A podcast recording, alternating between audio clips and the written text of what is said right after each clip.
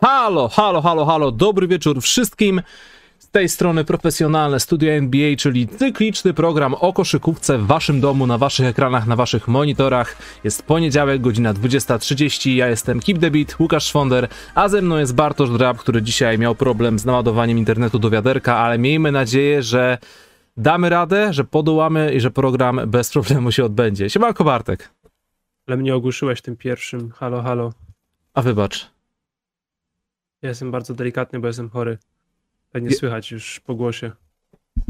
To, ale to takie jesie, jesien, jesienne przeziębienie? Tak, oraz uraz pleców, więc yy, nie mogę siedzieć, ani nie mogę nic robić. Jak na jesienne przeziębienie, to powiem ci, że trzymasz się bardzo mocno jak na mężczyznę. Tak, wydaje mi się, że powinienem przeżyć do jutra. A plecy? Co się stało z pleckami? A coś na meczu dwa tygodnie temu, ale robi się coraz gorzej, więc jutro muszę pomyśleć o czymś zrobić z tym. Najlepsza e, taktyka męska, a więc ignorowanie bólu i oraz chodzenie na treningi nie pomogła. To prawda, ignorowanie bólu i w ogóle jakichś takich rzeczy, problemów w życiu to jest chyba najważniejsza rzecz, jaką, jaką e, mężczyzna powinien celebrować, w szczególności mężczyzna wychowany w latach 90. Oraz Wiesz, wszystkich zdrowie, zdrowie, ból, depresja, szacunek do samego siebie. Po co to komu, Bartek? Tak jest. Prawdziwy mężczyzna nie prosi o pomoc. Tak jak gusiła. Bądź prawdziwym mężczyzną, nie proś o pomoc. Dobre intro. Niesławna, e, ta niesławna kampania reklamowa jednej z marek odzieżowych sprzed dwóch tygodni chyba. Jezu, oni to usunęli po, po jednym dniu, prawda? Powinni to usunąć po pięciu minutach. Ja nie wiem, jak to się nigdy dzieje. W sensie, bo taka wtopa się wydarza tak raz na kilka miesięcy zawsze. I przecież jak robisz taką kampanię, szczególnie jeśli odpalasz ją na tyle, w sensie, bo to była kampania e, nie to, że wiesz, rzucili post na Instagram, nie, tylko No. oni obrandowali wszystkie sklepy, więc Tak. to było jakieś była większe, gruba większa na pewno. Tak, dokładnie. Więc jak można, jak, ile osób to przeszło y, i ile poziomów jakby hierarchii pomyślało o tym Świetny pomysł, bez zarzutu, let's do it. Dorzucę jeszcze, coś tutaj na pewno wpadnie jakaś fajna premia. E, powiem ci szczerze, zobaczyłem e, tę kampanię i ani przez chwilę nie pomyślałem, że nikt, dosłownie nikt tam nie powiedział, wiecie co? Ale nie uważacie, że to jest troszkę nie w porządku w stosunku do facetu, biorąc pod uwagę to, jak bardzo teraz rozwija się ta cała świadomość na temat tego, jak faceci mężczyźni byli wychowy- wychowywani? No właśnie, I ja, to, więc jak to oni na, ogóle... bankowo oni zrobili to po to, żeby narobić troszkę szumu, troszkę pokrzyczą, troszkę reklamy, troszkę negatywnej reklamy, a później ostatecznie wszyscy pójdą kupić, bo to wiesz, tania, niska jakość, tanie ciuszki, więc pyk, nie? Bo to w sumie chodziło o promocję aplikacji. Ciekawe, czy ta aplikacja na przykład rzeczywiście została pobrana 200 tysięcy razy w ciągu dnia i w sumie kampania super sukces. Tak. Premię można rozdawać. E, a propos e, traktowania się poważnie i przy okazji też chorób, pogadamy dzisiaj o bardzo wielu zawodnikach, którzy stawiają swoje przekonania e, bardzo istotnie w NBA. Mówię, mowa tutaj o takich zawodnikach, takich postaciach jak Andrew Wiggins, Jonathan Isaac, Kyrie Irving. em, ktoś tam chyba jeszcze by się znalazł Devin Booker. też. Devin Booker jest y, out indefinitely z powodów y, protokołów covidowych, ale długość trwania protokołów covidowych wskazuje raczej na pozytywny wynik testu. I dziwnym trafem zbiegło się to z doniesieniem jednego z beatwriterów Sans o tym, że Devin Booker odmówił mu odpowiedzi na pytania, czy się zaszczepił, czy się nie zaszczepił. Więc co może oznaczać odmowa w 99% przypadków? Ja nie wiem, Łukasz. Nie wiem, czy ty wiesz. Może ktoś wie na czacie. Słuchajcie, bo gadamy dzisiaj, będziemy dzisiaj gadać dużo takich właśnie pierdółek, bo nie ukrywajmy, no, protokoły covidowe, te wszystkie wymysły zawodników, niektórzy są za szczepieniem, niektórzy są przeciw szczepieniom, no nie ukrywajmy, to są tylko dodatkowe rzeczy na zdrowie, Bartek. Dziękuję. E, ale dzisiaj przede wszystkim zakończymy naszą cotygodniową e, recenzję przygotowań zespołów NBA do najbliższego sezonu, biorąc pod uwagę to, że jutro już zaczynają się obozy przygotowawcze. To jest właśnie ostatni, ostatni dzwonek, ostatni gwizdek, żeby móc zakończyć e, całe te zapowiedzi i na dziś będziemy gadać, e, na dziś przygotowaliśmy wam opis oraz oceny, co się wydarzyło w Indianie Pacers, New Orleans Pelicans, Philadelphia 76ers, San Antonio Spurs oraz Toronto Raptors. I naprawdę bardzo fajnie się to wszystko ułożyło, biorąc pod uwagę to, że jeśli chodzi o Pelicans, mamy arcyciekawe, super mięsne, takie grube informacje na temat Ziona Williamsona, no pun intended. A jeśli chodzi o Philadelphia 76ers, to naprawdę przerzucaliśmy informacje o tym klubie z tygodnia na tydzień z nadzieją, że w końcu sytuacja z Benem Simonsem się wyjaśni. No cóż, nie wyjaśniła się, ale staje się coraz bardziej soczysta, więc Idealnie, Bartek. Nie ma to jak Tak. gadać e, o pierdołach niezwiązanych z koszykówką. Wszystko jest bardzo ważne. Przyznajcie się proszę uczciwie przed samym sobą i przed panem, wszyscy tutaj na czacie, ilu z was lub ile z was pomyślało końcu Indiana Pacers. Tak długo musiałem, musiałam czekać. Tak jest, poniedziałek studio Indiana Pacers, a na dokładkę San Antonio. Czy może być lepsza koszykówka dla koneserów? Dokładnie, Indiana Pacers jest dzisiaj headlinem. Niestety Philadelphia nie może być headlinem, bo tam sprawa, tam, tam wszystko stoi w miejscu od dwóch miesięcy. Od słynnej wypowiedzi do Riversa po jednym z ostatnich meczów e, drugiej rundy playoffs. Więc e, może po prostu nie przedłużajmy. Fajnie, że jesteście. Zostawcie kciuka w górę, jeśli tutaj jesteście. Zapraszamy do subskrypcji. Pamiętajcie, że te kciuki zawsze pomagają tutaj w algorytmach. I co? Zabierajmy się do przedstawienia opisów wszystkich tutaj pięciu drużyn, a w międzyczasie pogadamy sobie o różnych śmiesznych rzeczach. Więc, Bartek, tradycyjnie, pozwól, że, się ciebie spytam. Od której drużyny chcesz zacząć? Która cię najbardziej rajcuje z, tego, z tej puli dzisiejszej? E, New Orleans Pelicans, bo jak powiedziałeś, e, Czyli zaczynamy z grubej rury. jak powiedziałeś o mięsnych doniesieniach, to chciałbym e, tutaj powiedzieć swój highlight of sezonu Pelicans. Super sprawa, w ogóle dwa dni temu na Twitterze śmigało, e, na Reddicie, przepraszam. Jezu, mogę ci to... Zion, mogę ci- Zion nie, Williamson jest 50, Jeszcze raz, co? jest, pi- Zion Williamson jest 50 kg cięższy niż Brandon Ingram, Ale a są prawie równego wzrostu. no cóż, no, jeden jest, y, gra pozycję niżej. To jest, to jest wyjaśnienie. Okej. to A propos to. Ziona Williamsona, Bartek, załóżmy, że jesteś właśnie takim e, super utalentowanym młodym zawodnikiem w NBA. Zionem Williamsonem na przykład. Załóżmy, Na że ja przykład. jestem generalnym menedżerem klubu, w którym się znajdujesz i niekoniecznie przepadasz za mną, ale bardzo chciałbym, żebyś zaczął mnie w końcu lubić. Jaki utwór chciałbyś, żebym ci zagrał na pianinie? To też śmieszne. To drugie najważniejsze doniesienie z off-season Indiany. E, może jakiegoś Stinga, Erika Claptona, Everything I Do, I Do For You. Nie, nie. E, hmm. Tupac Changes. I, Changes. I zanim by skończył, wyszedł. Zanim byś skończył, zanim byś skończył, wyszedłbym. Żebyś sobie dopowiedział resztę. Okej.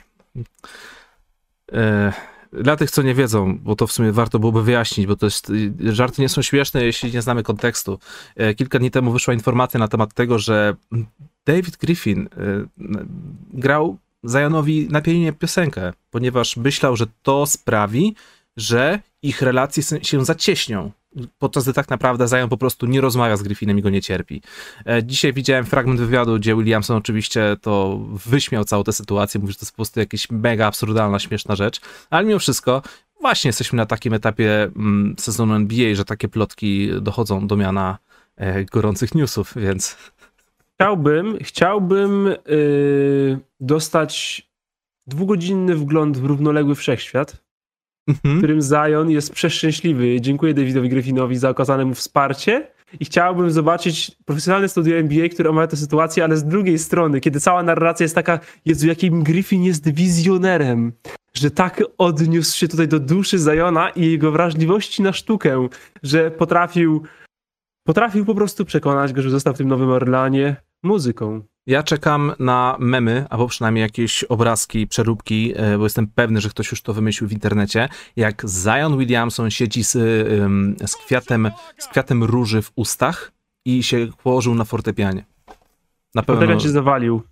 A Zionowi pękł ACL. Koniec sezonu New Orleans Pelicans. Ciekawostka, Zion Williamson po cichutku miał już operację e, w, podczas tego off-season, jakby ktoś nie wiedział. Bo to, to jest takie normalne, tak profilaktycznie operacje co sezon, co to za problem dla zawodnika Się NBA? powolutku zbiera. Ile lat kariery ma Zion Williamson? Więcej niż trzy? Mhm. All NBA na poziomie All NBA. Bo Tak. teraz w tamtym sezonie był na poziomie All NBA. Mhm. Czy jego kariera to jest 3 lata? 5? 10? 12? A może rok?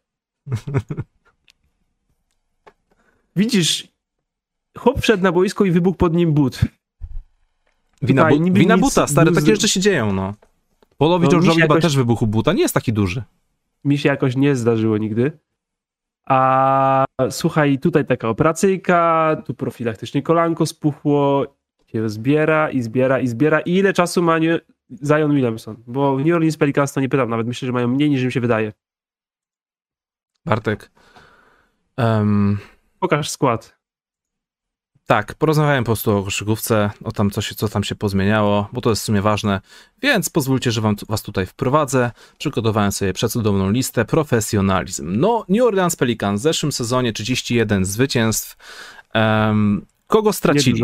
Stracili. Lonzo Bola, wiadomo, słynna wymiana do Chicago Bulls. Steven Adams poleciał do Memphis. Eric Bledsoe też, bo przypominam, grał w Pelicans przez 5 minut. Też poleciał do Memphis. Dalej e, Zaire Williams, to już są mniej istotne nazwiska. Jeśli chodzi o zawodników, którzy do Pelicans dołączyli. Po pierwsze, Garrett Temple na dwójce. Jonas Valanciunas jest teraz podstawowym centrem e, Pelicans, ciekawy ruch. E, I mamy całkowitą zmianę na pozycjach rozgrywającego, bo Pelicans, przypominam, że cały czas e, no, bardzo przedłużali sytuację związaną z zatrudnianiem rozgrywających. Strasznie się łudzili na Kyla Laurego, nic z tego nie wyszło. Za szybko oddali Lonzo Bola i nagle okazało się, że są troszkę, troszkę w dupie i skończyło się to tak, że mają Tomasa Satorańskiego i Devonta Grahama. Więc tak Trochę, wyglądają trochę w dupie. tak wyglądają Pelicans na ten moment, y, wchodząc y, w ten sezon. Według The Athletic y, jest to szósta najgorsza przebudowa, no może nie, że przebudowa, jest to szóste najgorsze wejście w nowy sezon dla spośród wszystkich 30 drużyn. E, Jestem w stanie się całkowicie z, z, tą, z tą opinią zgodzić, więc y, omówmy, jak ci się podoba ten skład. Jeszcze tylko w ramach y, dodatku. Josh Hart został przedłużony na 3 lata, 38 milionów. Wielki Josh Hart. Z Tak. szacunkiem do niego. Tak, i ja tutaj oczywiście wspomniałem tylko i wyłącznie o tych em, najważniejszych zawodnikach, w sensie najważniejszych z, z tego dnia, z tego momentu, bo bardzo możliwe, znaczy bardzo możliwe, no możliwe, że na przykład Herb Jones okaże się drugim najważniejszym zawodnikiem Pelicans w najbliższym sezonie, prawda? No ale na ten Jeśli moment by się na to nie jeśli zapowiada. to by było prawdą, to jest komplement dla Herba Jonesa, ale strasznie złe rzeczy musiałyby się wydarzyć. Tak. Eee, fatalnie. Fatalnie. Bardzo dziwny off-season e, w Nowym Orlanie. Zdobyli- Bardzo, bardzo dziwny off-season. Zdobyli Devonta Grahama, bo Tomasz Satorański to jest wciąż ciut za mało. Przypominamy, że europejscy gracze sobie świetnie radzą na, nie wiem, olimpiadach. W NBA już są troszkę gorsi, oczywiście z, z wielkimi wyjątkami. Ale Devonte Graham, z czego on jest znany? Z tego, że, na, że kiedy Hornets mieli zły sezon, to był super. Później się okazało, że mają dwóch rozgrywających i nagle stał się zawodnikiem numer 3. Jest to gość, który potrafi rzucić czasem za trzy punkty, potrafi czasem wejść pod kosz, potrafi coś tam rozgrywać, ale o dziwo, we wszystkich tych trzech rzeczach Lonzo, był, Lonzo Ball był lepszy, wliczając oczywiście rzuty za trzy punkty.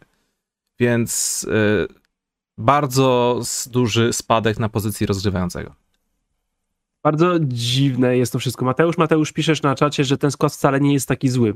Owszem, nie jest taki zły. Ale grasz w konferencji zachodniej, więc jest taki zły.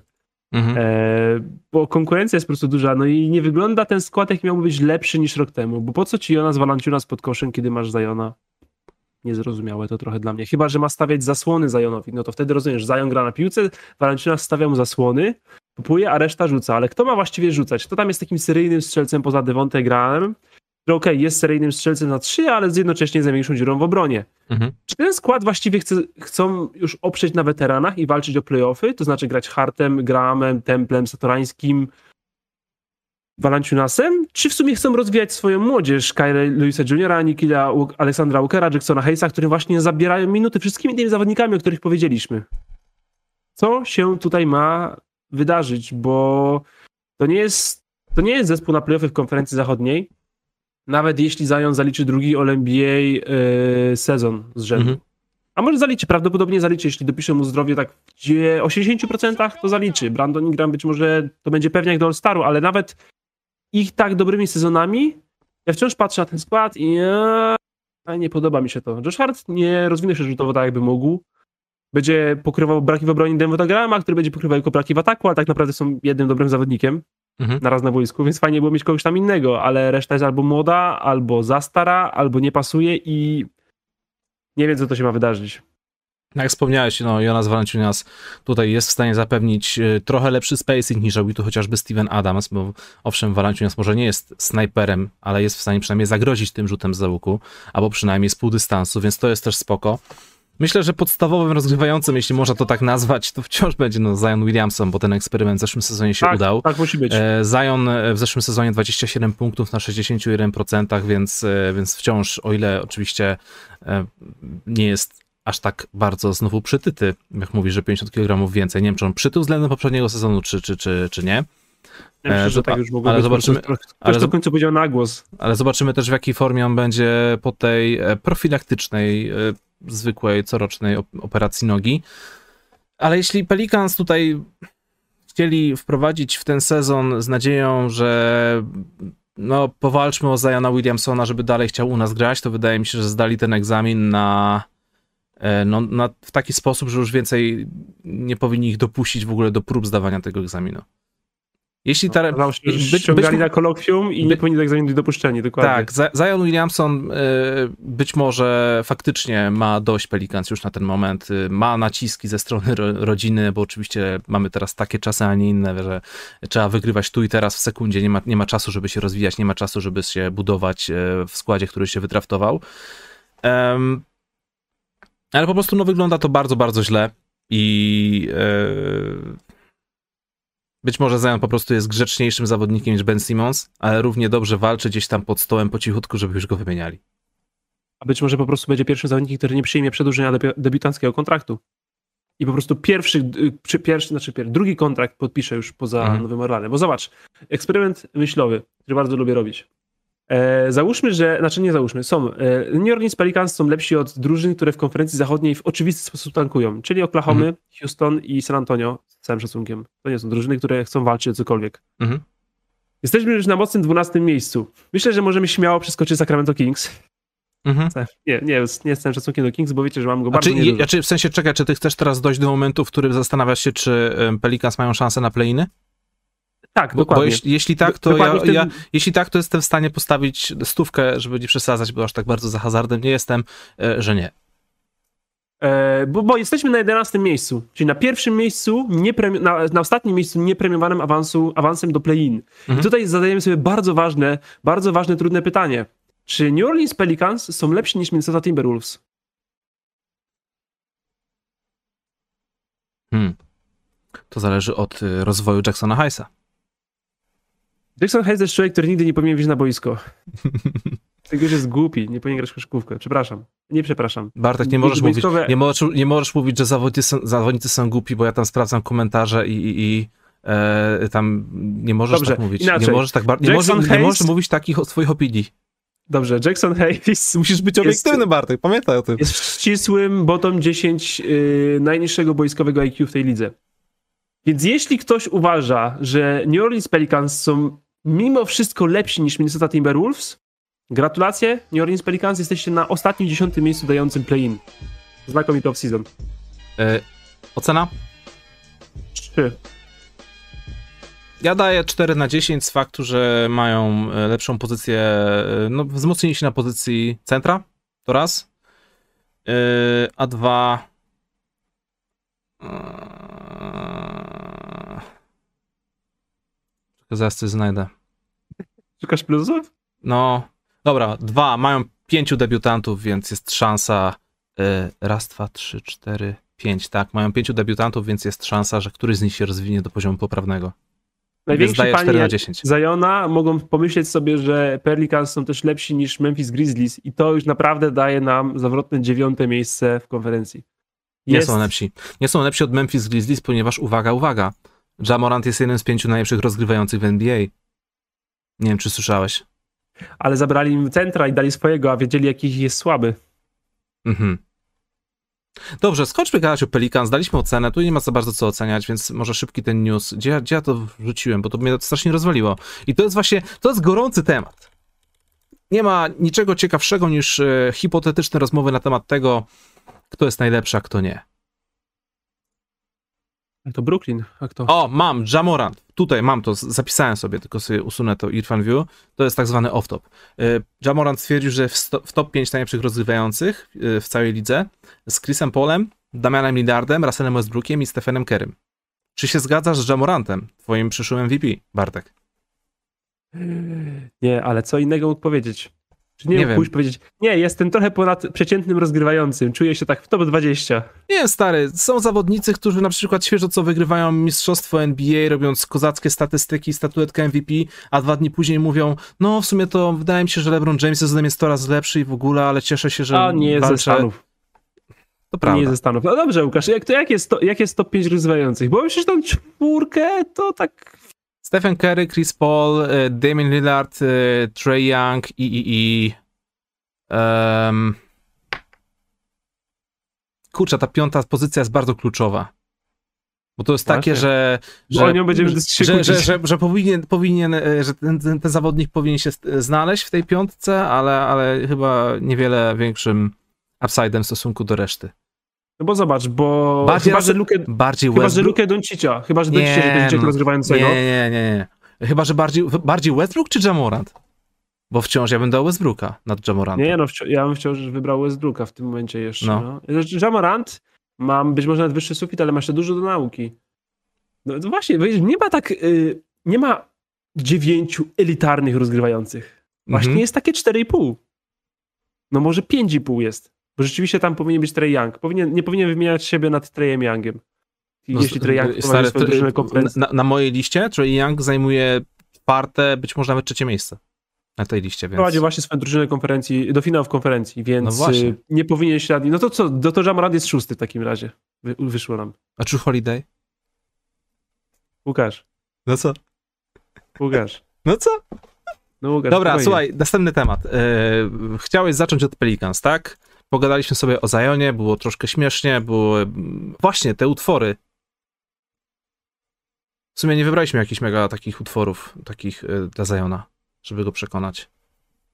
Ja jaka muzyka, na, jaka muzyka wpłynęłaby na bardzo bogatą objętościowo duszę Ziona Williamsona?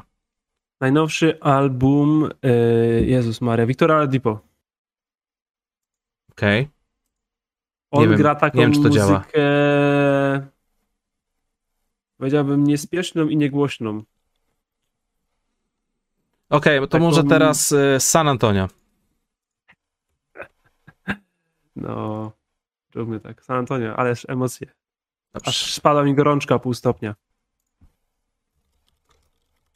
Muszę sobie E, wejść dobrze, Harden nie jest rozgrywającym i ludzie się kłócą o Kyriego Irvinga. Można uważać, że Uuu, Kyrie Irving Okej, jest lepszy niż... przepraszam. Zapomniałem o Kyrim Irvingu, bo ja nie biorę pod uwagę zawodników, którzy mogą nie zagrać przez 50% spotkań w najbliższym sezonie, więc sorry. Ja nie, przepraszam. Dobrze. Okej. San Antonio. Słuchaj, będziemy tak skakać po tematach Bartek, bądźmy poważni. San Antonio. Ej, San Antonio. Sa- co się zmieniło w San Antonio? W zeszłym sezonie 33 zwycięstwa. Stracili Nieźle. Demara DeRozana, Rudeo Geja, Patygo Millsa, Gorgi Dienga, Treya Lylesa, no i wcześniej oczywiście stracili Markusa Aldridge'a, to, już to są już takie troszkę starsze informacje. Dodali Tadeusa Younga, Alfaruka Aminu na czwórce, Daga, Daga McDermotta na trójce, na, dwój, na dwójce wielki powrót Bryna Forbesa i na centrze mamy Zaka Collinsa. Oprócz tego... Zach Collins? Oprócz tego... Trzy lata kontuzji nagrodzone 12 trzema latami kontraktu, bo co 12 można meczów, zrobić? dwa lata, ja wiem, ja wiem, ale spokojnie. Najlepszy, za, najlepszy Zach Collins. Trzy lata Eee, kontuzji, trzy lata kontraktu. uwaga. 21 milionów, brawo San Antonio, przelicytowaliście absolutnie nikogo. Z 12 pikiem wybrali Josha Primo, co jest dość ciekawym ruchem, biorąc pod uwagę to, że w mokach był chyba niżej oceniany, więc najwidoczniej, najwidoczniej ktoś tam odkrył, że ten Josh Primo może być bardzo, bardzo dobry, więc wybrali go wcześniej, a San Antonio I ma dobrze się pokaz- pokazał w, lidze letniej, dobrze tak, się bardzo pokazał. I, no i generalnie San Antonio ma taką bogatą historię zawodników, do których mają po prostu nosa. Więc tak, San Antonio, no w zeszłym sezonie Derrick White zagrał pół sezonu. Spurs przegrali w, w play-inach z Memphis. Em, więc, więc, więc to też nie do końca była ich wina, tylko no właśnie tego bra- brak Derricka White'a i kontuzji i w ogóle, że sobie tak bardzo nie poradzili. Ja w nich po prostu cały czas wierzę, sorry Bartek. E, fajno, fajną mają rotację podkoszowych. I to tak zdecydowanie. Tadeusz Young e, może być nawet, nie wiem, najlepszym, drugim, drugim, drugim najlepszym zawodnikiem San Antonio. Alfa Rukaminu jest w stanie dołożyć troszkę do defensu. Zach Collins jest, e, no dobra, troszkę, przepra- troszkę przepłaconym e, kotem w worku, który może się sprawdzić. Nie wiem, Bartek, czy ty smarkałeś, czy się śmiałeś, bo, zawiesi- Smarkałem, śmiałem się wcześniej. bo cię zawiesiło i już nie wiem, czy to było aż takie zabawne, co mówię.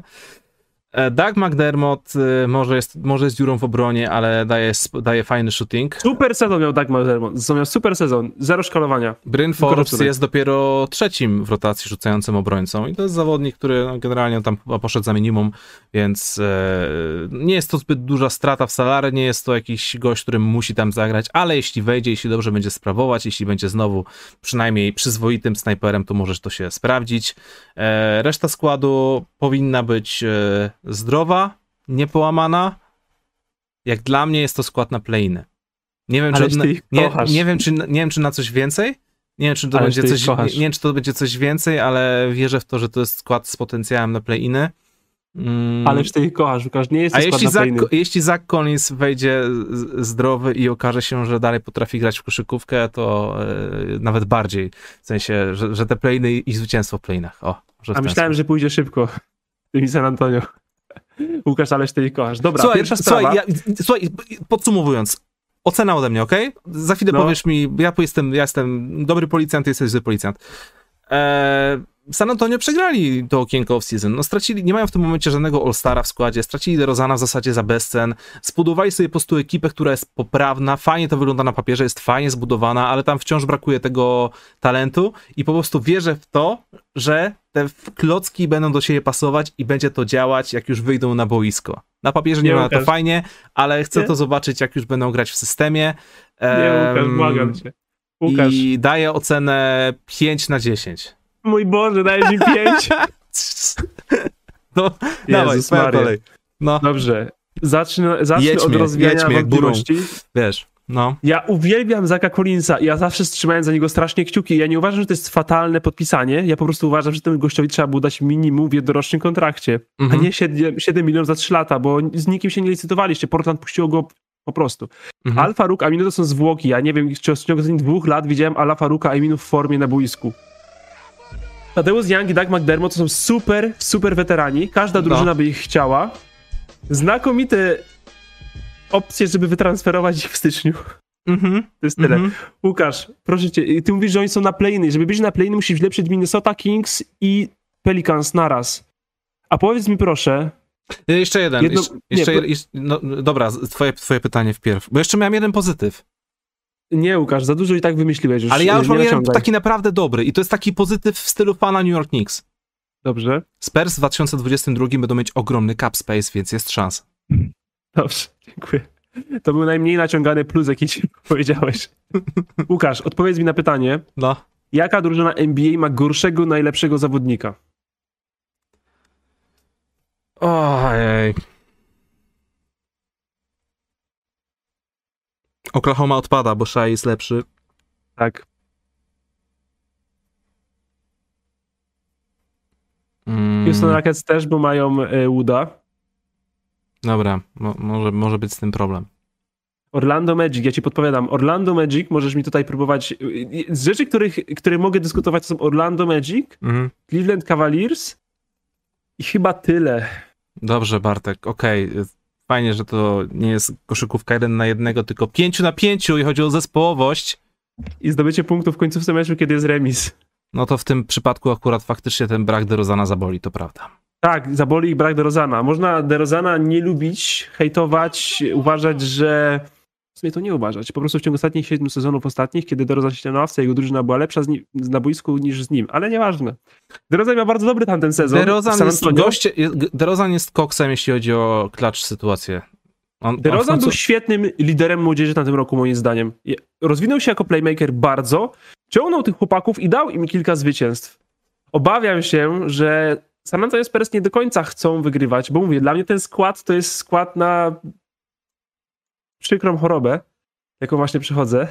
Nie ma tam gościa nawet jednego, który wołałby All-Star. Mają dwóch czy trzech bardzo fajnych weteranów, zgadza się bardzo. McDermott miał super sezon, Tadeusz Young był jeden z najbardziej plusowych zawodników Chicago. E, ale ja bym po prostu szukał za nich pików w trakcie sezonu, bo tam w tym składzie nikt do mnie nie woła All-Star. No nie. Nie szepcze nawet. To jest problem i to ja, to ja nie chcę wygrywać takim składem. Po co mam wygrywać takim składem? Capspace w San Antonio to nie jest Capspace w Nowym Jorku i w Los Angeles, niestety. Mhm. I to nam trochę zostało zaburzone przez te 20 lat yy, takich ciągłych sukcesów, ale ciężko będzie. Moim zdaniem San Antonio biją się tylko i wyłącznie o te 26 zwycięstw, których brakuje Popowiczowi e, do, do rekordu all time, końca jego kariery, 26, no. ciężkiej przebudowy. Ocena? Dwa. Przestań. Dwa oraz pozdrawiam Miję i Paulę. Dałbyś chociaż trzy, biorąc pod uwagę to, że do sztabu trenerskiego dołącza Manu Ginobili. Chciałem, ale musiałem odjąć za Collinsa trzy punkty. Indiana Pacers teraz, okej. Emocje. Ja się wysmarkam znowu. Jesteś hejterem. Wiesz jak jest.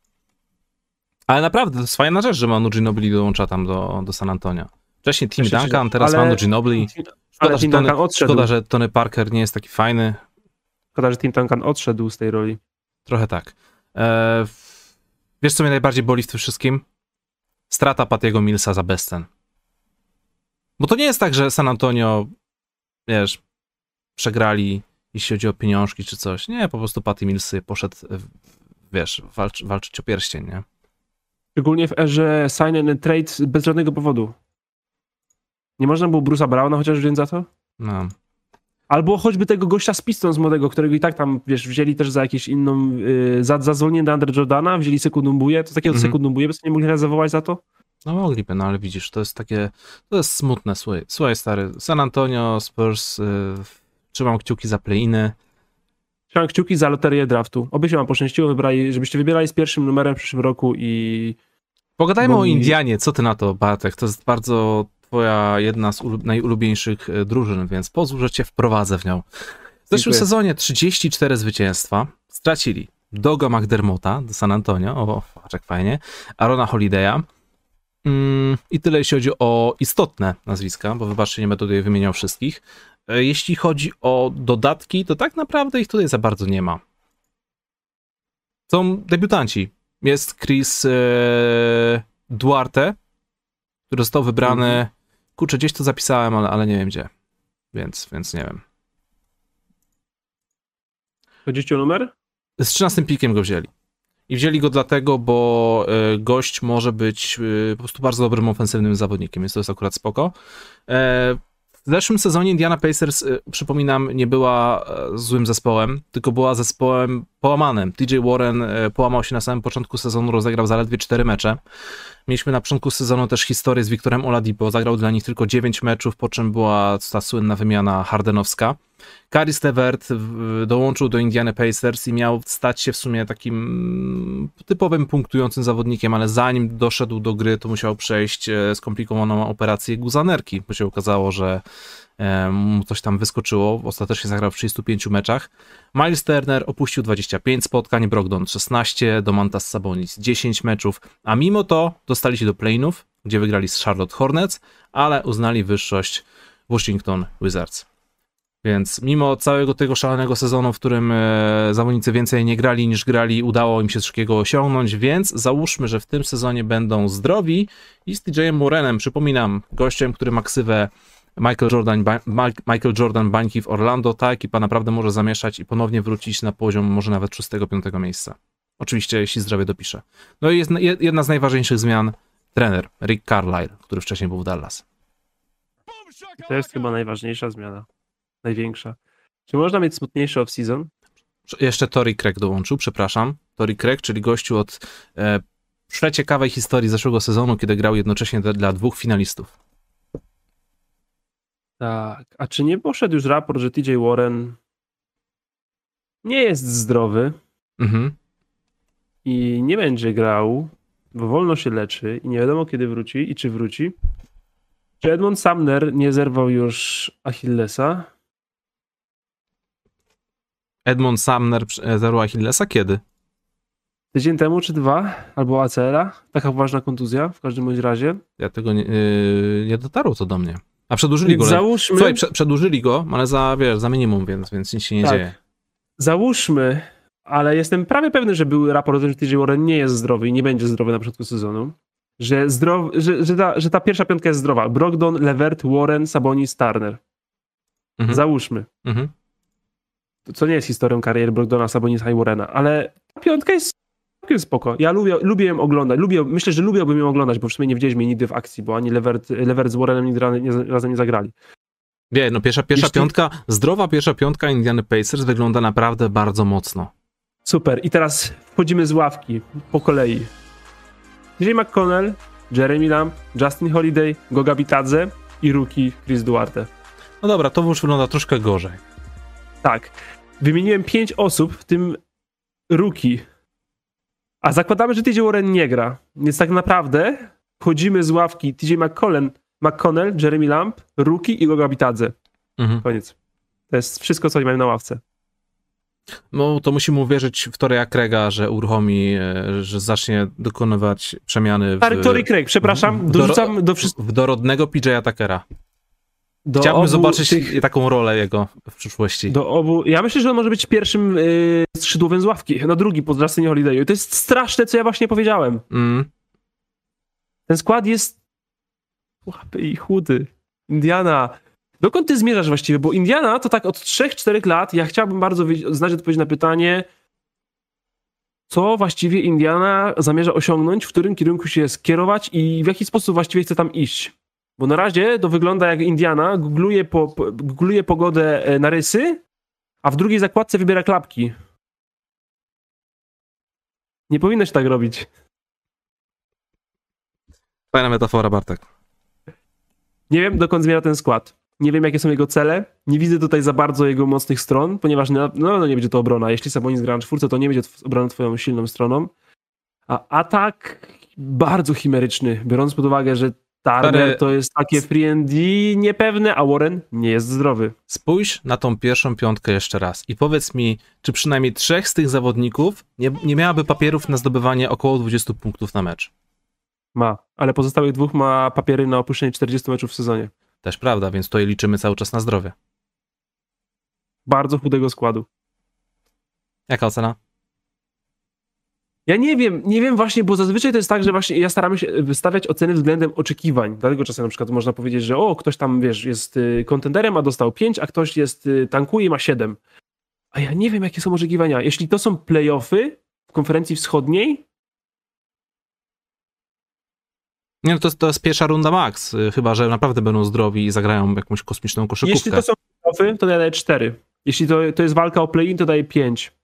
Bo ja nie widzę ich w playoffach w konferencji wschodniej, mimo że ich lubię dużo bardziej niż powinienem. Tak jak A czekaj, jeśli to są playoffy, to, są, to dajesz 4, czemu niżej? Bo czekaj, chyba nie skumałem toku myślowego. Jeśli, jeśli ich celem są playoffy, Mhm.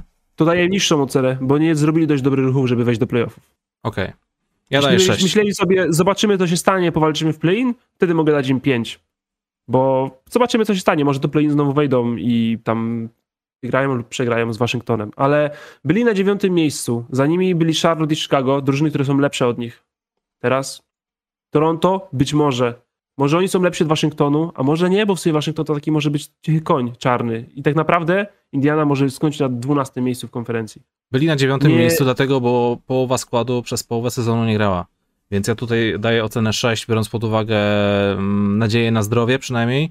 I liczę też na to, że Rick Carlisle może tutaj wprowadzić nową jakość. Yy, Naprawdę, ja jestem zachwycony tą pierwszą piątką. Fajnie, że nie ma tutaj bardzo dużych zmian. Ten Caris Levet, pamiętam jeszcze z czasów gry dla Brooklynu, naprawdę może być nawet głównym punktującym zespołu, tylko trzeba dać mu szansę.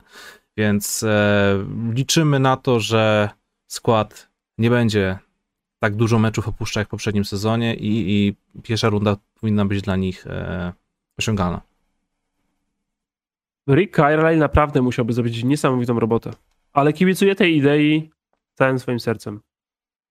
Okej, lecimy dalej. Toronto Raptors. Przełączam graficzki. Pyk. W ogóle ten, tak w międzyczasie tylko informuję, bo zawsze się pojawia ktoś nowy i ktoś się może y, obruszyć. E, Dziękujemy za wszystkie wasze donaty, za wszystkie wasze kciuki, za wszystko, wszystko co piszecie na czacie. Na donate odpowiadamy w dalszej części programu.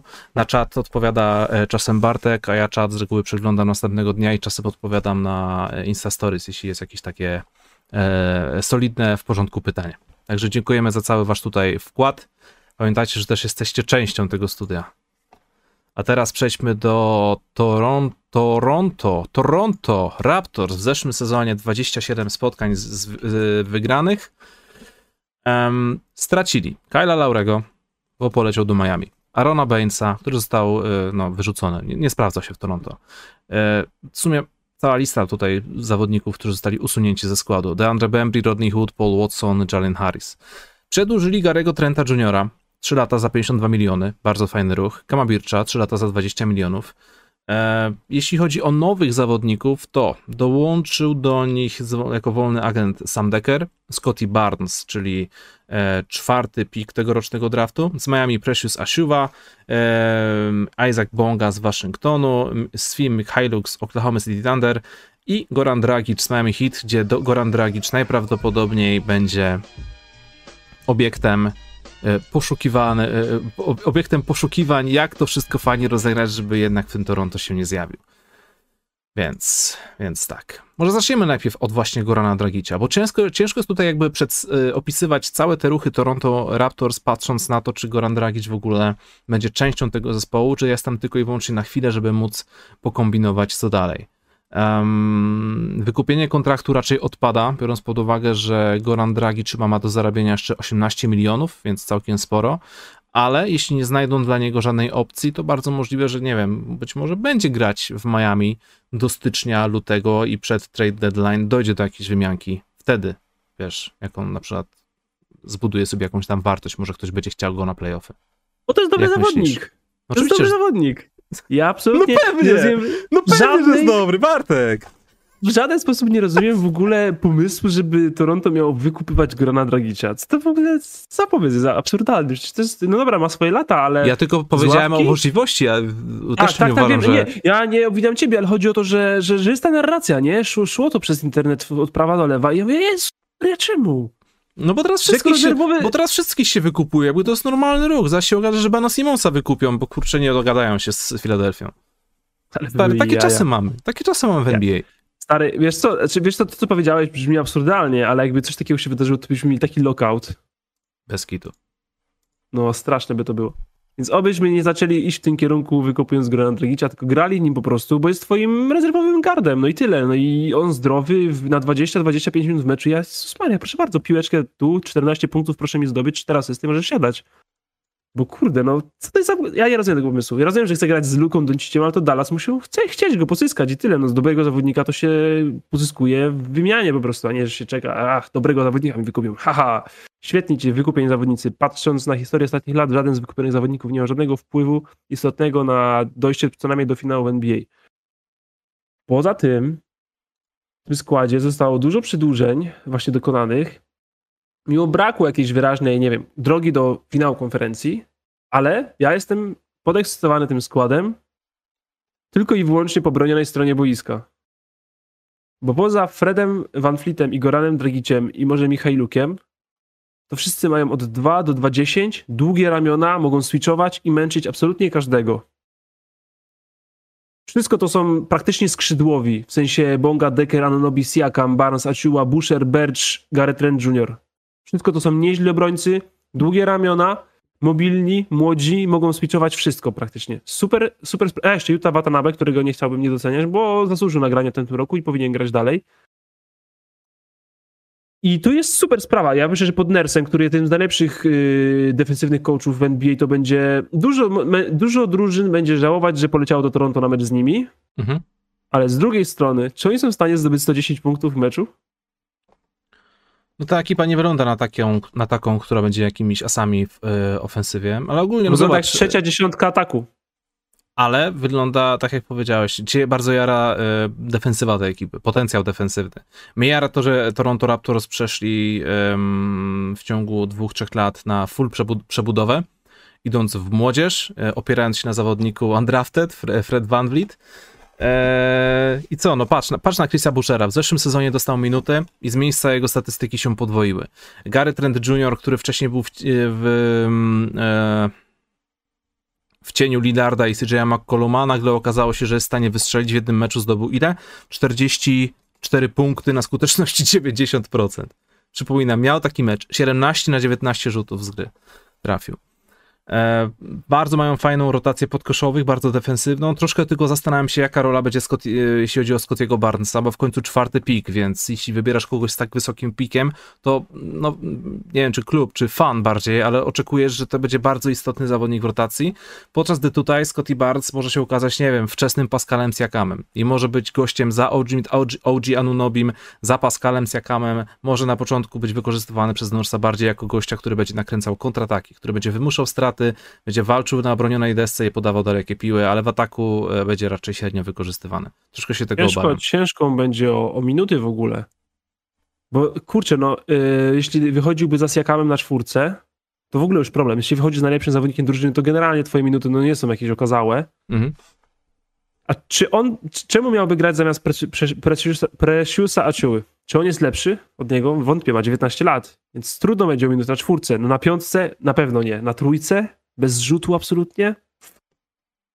No może z Ra- Dragiciem i Hajlukiem, którzy trochę pomogą mu w ataku, ale... Znaczy wiesz, na, na trójce, jeśli chodzi o rzut, to masz sama Takera i i Isaaca Bongę, którzy też no, raczej Nie snajper, snajperami nie są. tak, więc więc, tam trochę szansa. minut jest, Być ale może my chcemy wiesz, grać nim na trójce? Wiesz, Scotty Barnes może być zawodnikiem free and D, czemu nie? Nie wiem, czy akurat w swoim pierwszym sezonie, ale dopóki go nie wypuścisz na boisko i tego nie sprawdzisz, Tak, ale właśnie chodzi o to mi, czy oni go wpuszczą na boisku. Tak rzeczywiście na 25 minut, bo dużo ludzi jest do gry tam. mhm. Ten skład, jest dużo ludzi do gry po prostu. Jak potrzebujemy wystawić y, fajnego skrzydłowego bez rzutu, to mamy co najmniej 5 opcji. Ale stary, zobacz sobie na taką pierwszą piątkę właśnie, oprócz, wiesz, Fred Van Vliet nie, nie jest asem w obronie, ale masz właśnie Garego Trenta Jr., um, Scottiego Barnesa, Pascala Siakama, OG Anunobi. Potencjalnie to jest potencjał, potencjalnie to jest potencjał.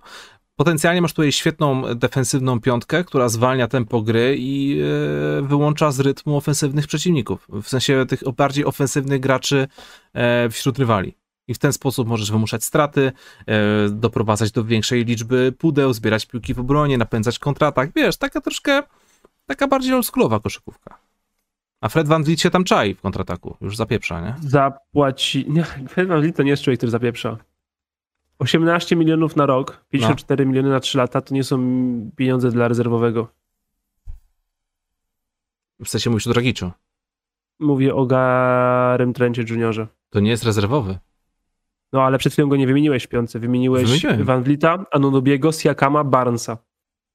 W tym momencie I Gary Trent Trenta Juniora jako piątego. Wymienisz czterech zawodników, Bartek. Okej, czyli wychodzą ze Siakamem na centrze? Czemu nie? Albo z OG. Ja ci, ja ci powiem czemu nie. Grasz konferencji z Milwaukee Bucks. Ale z Brooklyn Nets o, Mm? proszę bardzo, jaki przyjemny matchup. Ależ dziwny byłby to mecz. No dobra, w sensie trzymam kciuki bardzo, żeby znaleźć dla niego rolę i minuty, Mhm. no bo nie po to masz czwarty pik, żeby tym gościem nie grać. Jaką cenę dajesz Reszta- na Toronto? Zrobili dużo rzeczy, ale w sumie nie zrobili ani postępu, ani jakiegoś strasznego spadku. Myślę, że daje im 6 Postęp- daje im szansę na pierwszą rundę. Postępu to nie zrobił Pascal Siakam i wydaje mi się, że to jest jego chyba kluczowy sezon e, w najbliższym roku.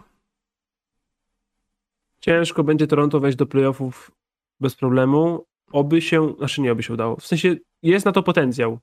Dali sobie na to szansę, ale kurczę, rzeczywiście dużo zależy od rozwoju, rozwoju Pascala Siakama, bo jeśli Pascal Siakam zagra znowu se, sezon jak średniak, Mhm. to to będzie kolejna drużyna, które pytanie, ile drużyn ma NBA ma gorszego, lepszy, najlepszego zawodnika od nas, będzie zasadne. Jaką dajesz ocenę? Cześć. Ja też. Ładnie. Ale fajnie się zgadzamy po raz pierwszy od lat. To nie jest do końca prawda. To jest paszkwil. Się zgadzamy nawet częściej niż się nam O wszystkim jakim, klubie, o jakim klubie my ostatnio tak gadaliśmy, się tak sprzeczaliśmy, że ja mówiłem same pozytywy, ty mówiłeś same negatywy, a później się okazało, że obaj daliśmy pięć? Nie pamiętam, ale było coś takiego, no. Dobrze, przy, przechodzimy już do Philadelphia 76ers, żeby troszkę poopowiadać o historii Bena Simonsa. bo jeśli chodzi o ocenę ruchu w Filadelfii, to ciężko jest ocenić coś, co jeszcze się nie zakończyło. Tak jakbym, nie wiem, wyszedł z kina w połowie filmu i powiedział, a słaby. Słabe Nie, zakończenie. wie, nie wiedząc, jak, co tam się dzieje na końcu, nie? A tam, nie wiem, główny bohater ubiera, a później zmartwychwstaje i zabija przeciwników wszystkich. Lost szósty sezon. Tak jest. Ej, Dexter będzie. e, Mówiłem chyba ci to, że, że Dexter wraca, nie? Po latach. Ja jestem Nie, zachwycony nie tym faktem. Jest mi to absolutnie obojętne, ale cieszę się, że cieszysz. Okej. Nigdy nie Dobrze, byłem w to wkręcony. Pogadamy o covidzie. A, Łukasz, off, off topic. Y, czy ty się jarasz remasterem Diablo? Czy się jaram? Mhm. Jaram się faktem, że ten remaster Diablo powstał, ale grałem w betę przez bite dwa dni i owszem, wkręciłem się, bo grałem to przez kilka godzin, ale po tych kilku godzinach dotarło do mnie, że to jest wszystko dokładnie to samo, co robiłem nagminnie, e, grindując godzinami, nie wiem, 15-17 lat temu. I tak dotarło do mnie, że fajnie, że jest taka grafika, ale chyba nie chce mi się znowu przechodzić non-stop tego samego, tylko że w, bardzo, bardziej współczesnej oprawie. Wiesz, o co mi chodzi? Tak, rozumiem. I, i, ale fajnie, że odpaliłeś, że dałeś szansę. Tak, no to jest, to jest świetna gra, jedna z najlepszych i najważniejszych, jakie grałem w całym swoim życiu, więc Ale właśnie zapunktowałeś w Natalii. Magic Fiend, czarodziejka zawsze w moim sercu. Ja próbowałem trochę grać właśnie teraz, ale ja nigdy nie grałem w to za młodu, więc nigdy to nie będzie dla mnie taki sentyment. Czekam na remaster Gothica 1. Możemy iść dalej. Myślałem, że czekasz na remaster Tibi. A nie chcę żadnego remasteru. Ja bym go cofnął. Ja bym e, zrobił... Jak jest... E, Powrót do przeszłości. Ja bym zrobił Undermaster. I Undermaster. cofnął, I cofnął się do patchu 7.8 i Reversing. więcej nic... Tak, i nic bym nigdy nie zmieniał. Okej. Życie było piękniejsze w Tibi kiedyś. Teraz jest e, najmniej dyskusyjne. Za łatwo. No nieważne. ci, że NBA 2K ma co roku taki problem. Że wychodzi gra, jest super, a później wraz z upływem kolejnych miesięcy dodają coraz więcej patchy, gameplay się zmienia i nagle się okazuje, że ta gra już nie jest taka super. Więc, To robi samo w ogóle. więc najlepiej, nie- jest nicze, naj- najlepiej jest nie poprawiać doskonałości, dlatego na przykład nigdy do sernika nie dodaje się rodzynków. Tak jest. Kiedyś było trudniej, ale Mieszkaliśmy było w jeziorze. Więcej. Było raz 11. Ale a, a, abstrahując od żartów, naprawdę kiedyś gry były dużo trudniejsze. To jest. y, Ja sobie czasem pomyślę, na przykład w Mafii 1, ile razy ginąłem w cholernym porcie, bo nie było żadnej apteczki na zasranym poziomie, gdzie było z 30 osób ze strzelbami. Mhm. A teraz, kiedy właśnie w TB moja postać sama sobie ćwiczy skille, a ja śpię w tym czasie, A, a właśnie. kiedyś trzeba było... Grinding. y, Ze... Naprawdę. Masakra. Czekam na, na remaster Gothic 1, bo Gothic 1 w przeciwieństwie do dwójki się zestarzał tak źle, że ciężko się w niego gra. To prawda, Eee, ale A w dwójkę bardzo przyjemnie wciąż gra, więc i Ale też nie, nie pracują, ruszać. e, No. pracują nad Gothiciem Remasterem. Na Steamie wysze, Tak, wyszło to dwugodzinne demko. Grywałeś to? Stary, no przecież y, ten jest, jest data tego. Kwiecień 2021 roku. No to super, to ci tak w 2023 w to zagram, kiedy już naprawiam wszystkie błędy. Dokładnie. Pogadajmy o koszykówce. No, A tam w koszykówce czy w Filadelfii? Dobra. Więc, e, dobra, szybko, szybkie przedstawienie, żeby było, wiesz, tak jak powinno to wyglądać. Philadelphia 76ers. E, kto się pojawił, kto zniknął, więc tak. George Hill Nie pojawił się Ben Simmons. Ha! George Hill do Milwaukee poleciał, Dwight Howard do Lakersów i to śmiesznie wyszło, bo w drugą stronę poszedł Andre Drummond, nie było to ze sobą powiązane, ale jednak e, George Young, który wcześniej był w Utah Jazz, Grant Miller Charlotte i mamy debiutantów Aaron Henry, Aaron Henry i Jaden Springer. E, 28, 50, nie, 28 i, i, i, i nie, Aaron Henry to jest na, na two-way kontrakcie, okej. Ale się zaangażowałeś, Łukasz, szanuję Tak, bardzo. No to jest Philadelphia. Danny Green przedłużony 2 lata za 20 milionów, fajny ruch. Furkan Korkmaz 3 lata za 15 milionów, okej. Przedłużono Joela Embida 4 lata 196 milionów. Najważniejszy ruch, bo jednak mimo wszystko tu to już jest plus 2 do oceny, obojętnie co by się nie wydarzyło z Benem Simonsem. Przedłużenie swojej gwiazdy na następne lata to jest najważniejsze, co może zrobić zawodnik, co może zrobić klub. E, przypominam, że w poprzednim sezonie Philadelphia 49 zwycięstw, Joel Embiid był jednym z głównych kandydatów do MVP. Ben Simmons był jednym z dwóch głównych kandydatów do nagrody debiutanta. e, De... przepraszam, to nie ma być żart.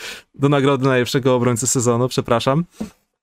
I 76ers, pomimo tego, że Embiid opuścił 21 meczów, Ben Simmons opuścił 14 meczów. Mimo wszystko udało im się utrzymać pierwsze miejsce w konferencji wschodniej i wszystko byłoby super, gdyby nie ta przeklęta Atlanta Hawks i czwarte kwarty Bena Simmonsa.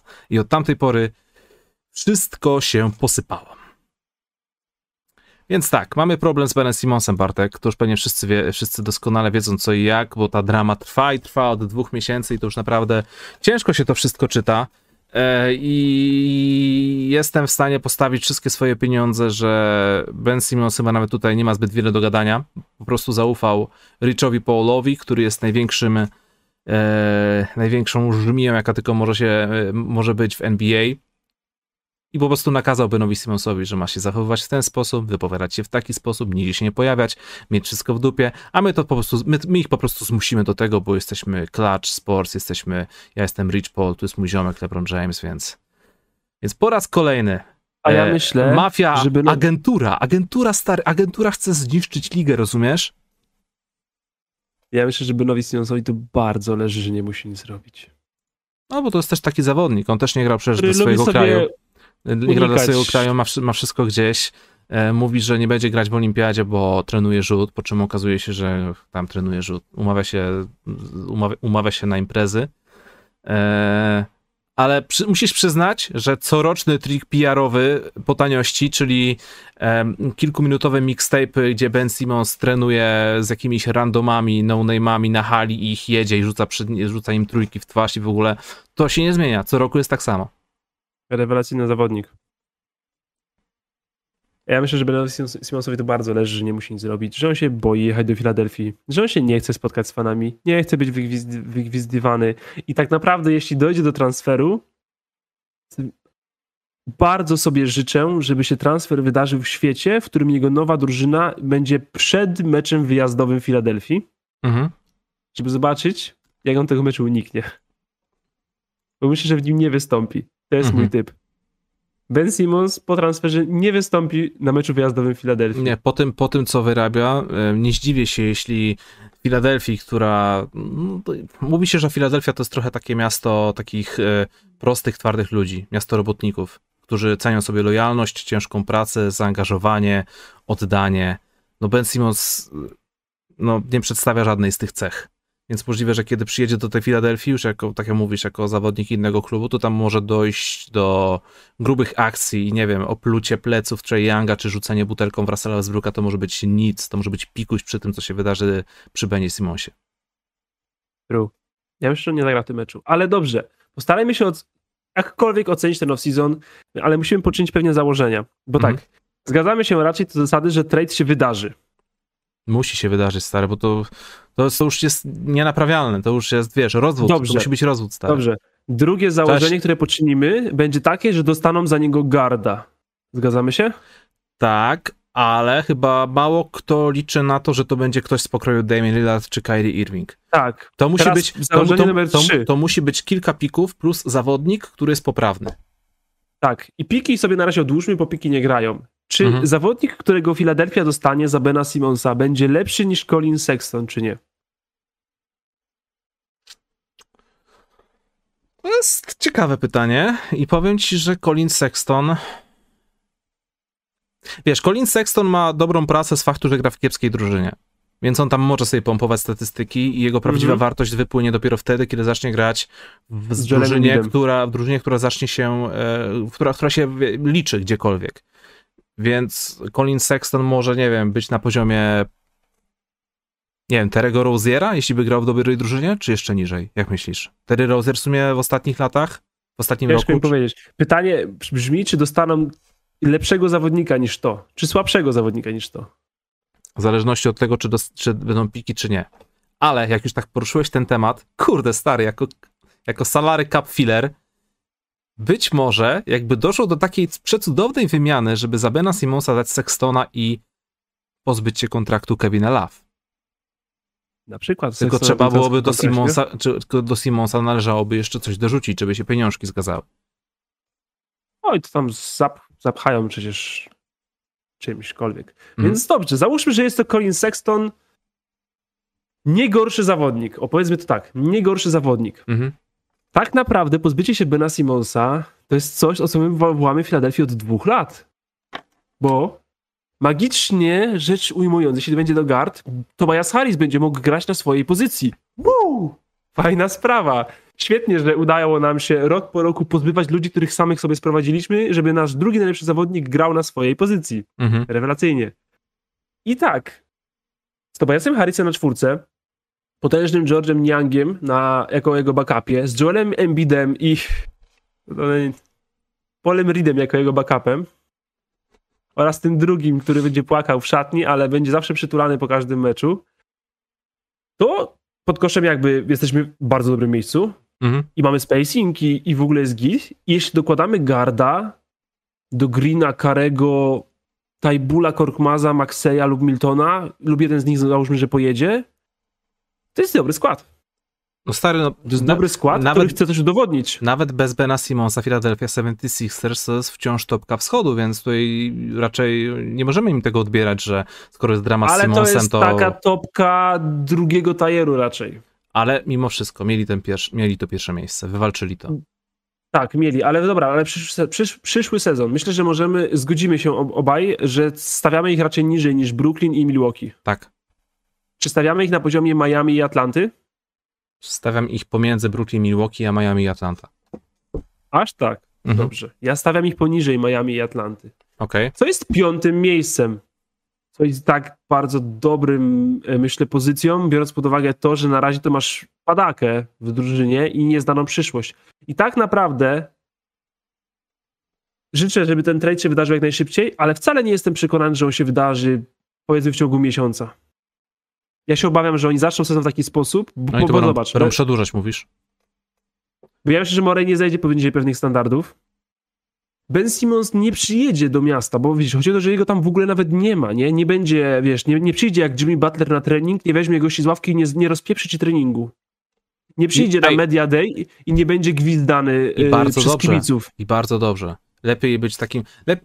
Niech, już, niech już Ben Simmons idzie all in w bycie tym dupkiem. Bo gdyby on przyjechał na obozy treningowe i Media Day Philadelphia 76ers, to wszyscy by tam patrzyli na niego, ojej, czy on jest dalej częścią drużyny. Reszta, za, reszta kolegów. gorzej? Reszta kolegów z zespołu by patrzyła na niego, co ty w ogóle tutaj robisz. I wiesz, ta chemia cały czas byłaby taka nadpsuta. Niech Philadelphia zacznie nowy sezon już wiedząc, że Ben Simmons nie jest częścią tego składu i dzięki temu, wiesz, wybudują sobie jakąś chemię wewnątrz szatni. Dokładnie. I ja właśnie to Żeby nie- że ta żeby nie- sytuacja wcale nie jest taka rakowa, Żeby, że nie, tam żeby nie, nie, było takiej sytuacji, jak James Harden w zeszłym roku, y, kiedy przyjeżdżał do Houston Rockets i robił wszystko na Dokładnie. odpiernicz, byleby tylko być, odbębnić, będę gruby, nie chodzę na treningi, ale dobra, pogram w meczu, coś tam rzucę, coś tam nie rzucę, wymieńcie mnie w końcu.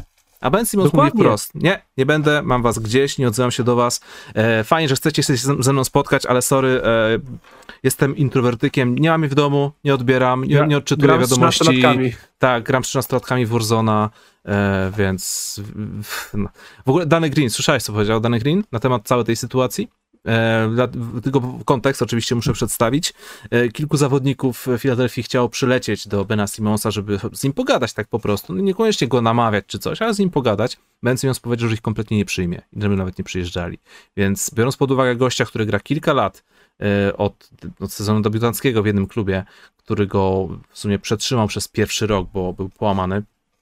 Jest mocno słabe, że nawet nie chcesz się spotkać z tymi zawodnikami. I Danny Green, czyli gość, który w zeszłym roku nawet dawał jakieś triki rzutowe Benowi Simonsowi, pokazywał mu, jak ułożyć rączkę, jak tam się ustawiać i w ogóle Danny Green przyznał, że to jest po prostu, wiesz, no, nawet nie chodzi, by tam nie jechać jako jakaś, jakaś, jakaś delegacja, żeby go namawiać, tylko po prostu jako koledzy. Więc e, fajnie było po prostu zamienić kilka słów, wiedzieć na czym stoimy, a nie, że gościu nas e, ghostuje. Bo prędzej czy później, no, no nie możesz udawać, że kogoś nie znasz, nie? To jest, to jest frajerskie. Jak już coś, to powiedz gościowi, słuchaj, nie lubię cię, albo słuchaj, nie chcę z tobą już więcej pracować, ale nie udawaj, że kogoś nie znasz, bo to jest stary poziom podstawówki, nie? To jest, to jest dziwne. Ale właśnie, kurczę, zabrałeś mi take. Bo ja właśnie chciałem powiedzieć, że to, że go tam nie ma, to jest nieźle dla klubu.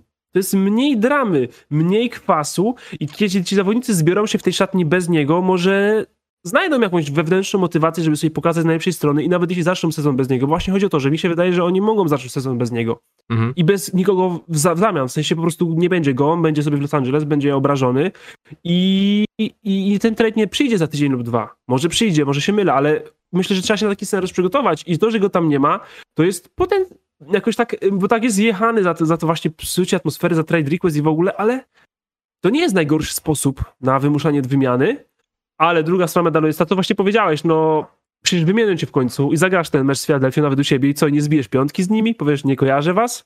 Mati Stajbul to jest twój kolega z kadry, w sensie rodak twój, który wziął cię w obronę w mediach nawet tydzień temu. Mati Stajbul bronił Bena Simonsa, jak Australijczyk Australijczyka, Mhm. e, i chociaż z nim by się mógł spotkać. Naprawdę te, tego trochę nie rozumiem. Znaczy na przykład rozumiem, że nie chce się może z Embidem zobaczyć. Ja bym się bał na jego miejscu zobaczyć z Embidem. Ja bym, jak ja bym był Benem Simonsem, to nie chciałem się zobaczyć z Joelem Embidem rzeczywiście.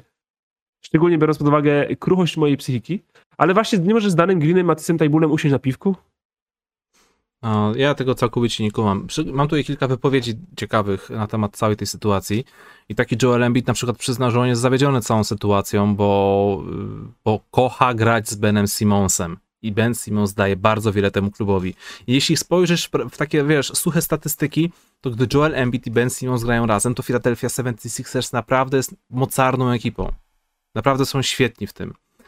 I wiesz, i Embiid to stwierdził w taki sposób, że kurczę, do tej pory nic nie wygraliśmy, wszyscy, ja powinienem być lepszy, wszyscy powinniśmy być lepsi, powinniśmy być bardziej dominujący, ale jesteśmy w stanie to zrobić, a ta cała sytuacja z Benem Simmonsem sprawi, że, że nie będziemy mieli nawet na to szansy. E, jeśli chodzi o potencjał wymian, właściciel Golden State Warriors powiedział krótko, Ben Simmons do nas nie pasuje, zarabia za dużo, a poza tym mamy Draymonda Greena. No i poza tym nie wiemy, czy Ben Simmons potrafi wygrywać mecze, mecze więc, kilka, więc lekka szpilka wbita. E, Pojawiła się też ploteczka na temat tego, że Ben Simmons mógłby zostać wymieniony do Denver Nuggets za Jamala Murray'a.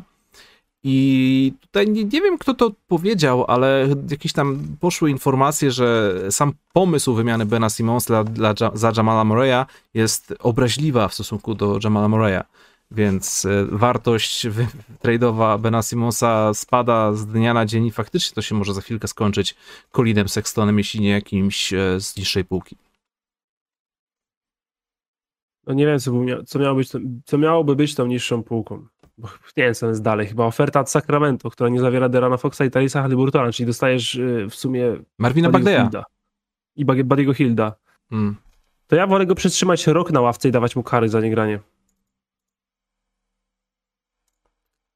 Pierwsza runda, może druga. Sytuacja jest patowa. Naprawdę. Mie- Mieliśmy kilka takich e, historii w NBA. Nie wiem, kurczę. Pierwsza z brzegu, Alonso Mourning w Toronto Raptors. No ale to zawsze dało radę jakoś e, w miarę szybko ogarnąć. A tutaj w związku z tym Beres... Nie, stary, czytam codziennie te doniesienia. Po prostu jak czytam takie absurdy, że Ben Simmons nie, nie chce się spotkać z kolegami z zespołu, którzy chcieli do niego specjalnie przylecieć, to mi się po prostu z jednej strony się nie mogę nadziwić, a z drugiej strony się z tego śmieję, bo to brzmi jak, jak scenariusz z, z jakiejś kiepskiej komedii. To jest y, no, niekomfortowa sytuacja, ale w sumie powinni się po prostu pogodzić z nim, że nie ma go tam, nie przyjedzie, nie zagra dla nas. Mamy skład, jaki mamy, musimy się zebrać do kupy, robić swoje, a, men, a trade w końcu nadejdzie. I po prostu ktoś do nas dojdzie w trakcie sezonu i przyjmiemy go po prostu jako kolegę z drużyny i spróbujemy z nim dojść do finału w konferencji. Ale Zmiana tematu. Zmiana tematu. Czy Andre Drummond jest lepszym fitem niż Dwight Howard?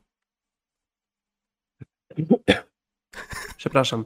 Andre Drummond będzie miał lepszy sezon niż Dwight Howard, ponieważ nie będzie grał w reze- w rezerwowych ustawieniach z Benem Simonsem. Bo to był problem. Problem Dwighta Howarda w Filadelfii był taki, że grał na ławce z Benem Simonsem, a to są dwaj non-shooterzy i przeszkadzali sobie bardzo. To jest, wiesz, zerowy potencjał w pick and rollu i w ogóle bezsensowne połączenie, ale no, z drugiej strony no, ten jest rezerwowy i ten też Mhm. gra dużo minut, bo jest młody i to było głupie. A teraz może będzie po prostu Andre Drummond grał z ludźmi biegającymi skrzydłowymi, rzucającymi mu loby i może coś z tego będzie średniego. Mnie ten, mi ten fit kompletnie się nie podoba, bo Dwight Howard przestał być wołający o piłkę, że tak powiem. I doskonale wiedział, jakie, jaką, jaką ma rolę. Może niekoniecznie Filadelfii się w tym sprawdzał, ale nie był gościem, który płacze, że na przykład nie dostaje piłki bądź minut. Andre Drummond jest e, przydatny na boisku dopiero wtedy, kiedy ma tę piłkę. No nie ukrywajmy, jako rezerwa Joela Embida raczej tej piłki dostawać nie będzie. Więc to Otóż może nie. być jeden z największych spadków e, od poziomu All-Stara od lat w lidze NBA. Dwa lata No, do Shang- Shanghai Sharks. Wow, szybko, nie? No, Dobra. over, under. Over, under 2,5 roku. Okej. Powiedz mi, No, e, nie, wiem, czy, pyta- wiem, czy, nie czy jest Dobra, sens Łukasz, oceniać Filadelfię. Łukasz miga się odpowiedzi, więc czat pytam was, wy zawsze macie jaja odpowiedzieć. Over, O, under, Czy, czy ty mnie właśnie obraziłeś? Andre Drummond, Nie będę- Sharks, nie będę over, reagował- under 2,5 roku. Nie będę reagował na takie zaczepy, stary. Czekam na odpowiedzi. To jest taki, taki tekst w stylu odpowiedz chyba, że jesteś tchórzem. Na poziomie. Ja chcę tutaj, żeby się polała krew. Spoko. Jaka ocena dla Filadelfii? Czat jest dla nas bardzo miły dzisiaj. Zachęcałem do łapek. Ja muszę tutaj wprowadzić jakiś chaos, zamęt, Zamęt. e, akcję. Tak jest. Zamieszanie, awantury. E, jeszcze jakieś takie słowo jest. No nieważne. E, o, cena. No nie wiem, jakieś 0, 1. Powiedz, że jeśli nie będzie 800 lajków, to yy, nie stawisz się na, na profesjonalnym studio za tydzień, a jeśli będę chciał do ciebie przyjechać, żeby zmienić twoje zdanie, to powiesz, że będzie przyjmiesz do domu. Bo mam gorączkę. Na przykład. Może być. Dobra. I kurde, jest bardzo Ej. dużo overów. O- Average MVB Enjoyer, y, Screaming Ta- Stats oraz y, Michał Siwierski, Michał Woźniak. Jesteście wielkimi optymistami w życiu. Olaf Kujawa, Antoni Maślonka. Bardzo szanuję. Idźcie tak dalej przez życie. Słońce nigdy wam nie zgaśnie. Rozgardiasz, to jest świetne słowo. To jest dokładnie to, to, to, co potrzebujemy. Eee, Ambaras. Jeszcze jest Ambaras. Ambaras. Świetne słowo też, no. Pojawię się za tydzień na studio, chyba że umrę. Yy, jest sens dawać ocenę Filadelfii, czy jeszcze nie? Ja nie, no 0 albo 1, no bo co? Nie wytransferowali Bena Simonsa, czyli to, co mieli przede wszystkim zrobić. Zamienili Dwighta na da- Andre Drummonda. No przedłużenia są w miarę. Ja daję 3, no bo jest 1 plus 2 za Embida, to, to jest 3. Embiid, no dobra, dam 2. Jeden Dobrze. plus za Embida, jeden plus za... No dobra, zdajmy 2. Okej. Dobrze. Jaki jest jeszcze dzisiaj e, temat e, odnośnie sabotażystów? Gadaliśmy o sabo sabotażyście Zionie Williamsonie. Andrzej Potencjalnym. Wiggins, Pot- Andrzej sa- Skrzydełka. sa- sabotażysta Ben Simmons, a teraz wchodzimy na tematy bardzo delikatne, grząskie i niewygodne. Andrzej Skrzydełka. Tak jest. Andrzej Strzydełka, a także Kyrie Irving i być może jeszcze kilku innych zawodników. E, kontekst oczywiście trzeba przedstawić. Uwaga, uwaga, w San Francisco oraz Nowym Jorku, czyli dotyczy to, sytuacja dotyczy Golden State Warriors, Brooklyn Nets oraz New York Knicks. Nie będzie można grać, jeśli nie jest się zaszczepionym zawodnikiem NBA. I tyle. Andrew Wiggins nie jest zaszczepiony i mówi, że nie chce przyjmować szczepionki, bo to jest jego decyzja i nie, nie widzi opcji, żeby się zaszczepił, chyba że zostanie do tego zmuszony.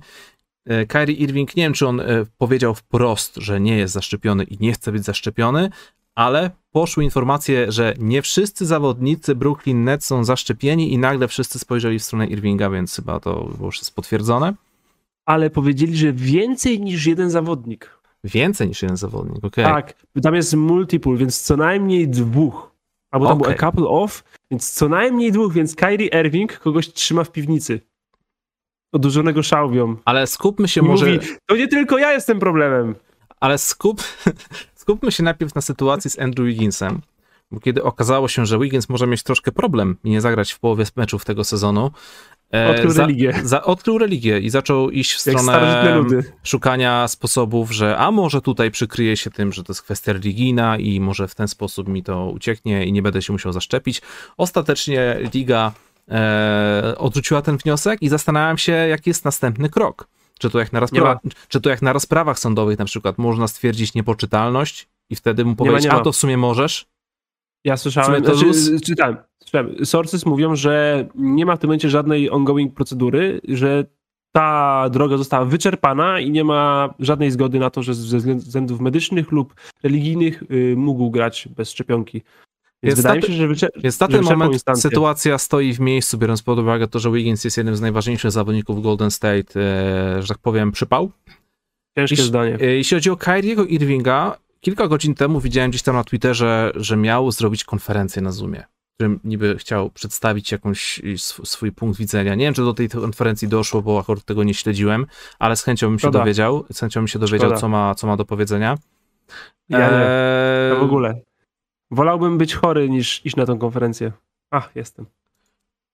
No, więc, więc mamy taką sytuację, ale też w międzyczasie pojawiło się dużo informacji za. Karim Abdul-Jabbar przy, przykładowo w ostrych słowach wypowiedział się na temat niezaszczepionych ludzi, może tutaj nie będę już e, przytaczał cytatów, ale generalnie mówił to wprost, że, że należy to zrobić po prostu w ramach odpowiedzialności, ale bardziej e, przystępnie sytuację przedstawili tacy zawodnicy jak Lonnie Walker, czwarty z San Antonio oraz e, Blake Griffin, z, również przecież kolega Kariego Irvinga z Brooklyn Nets.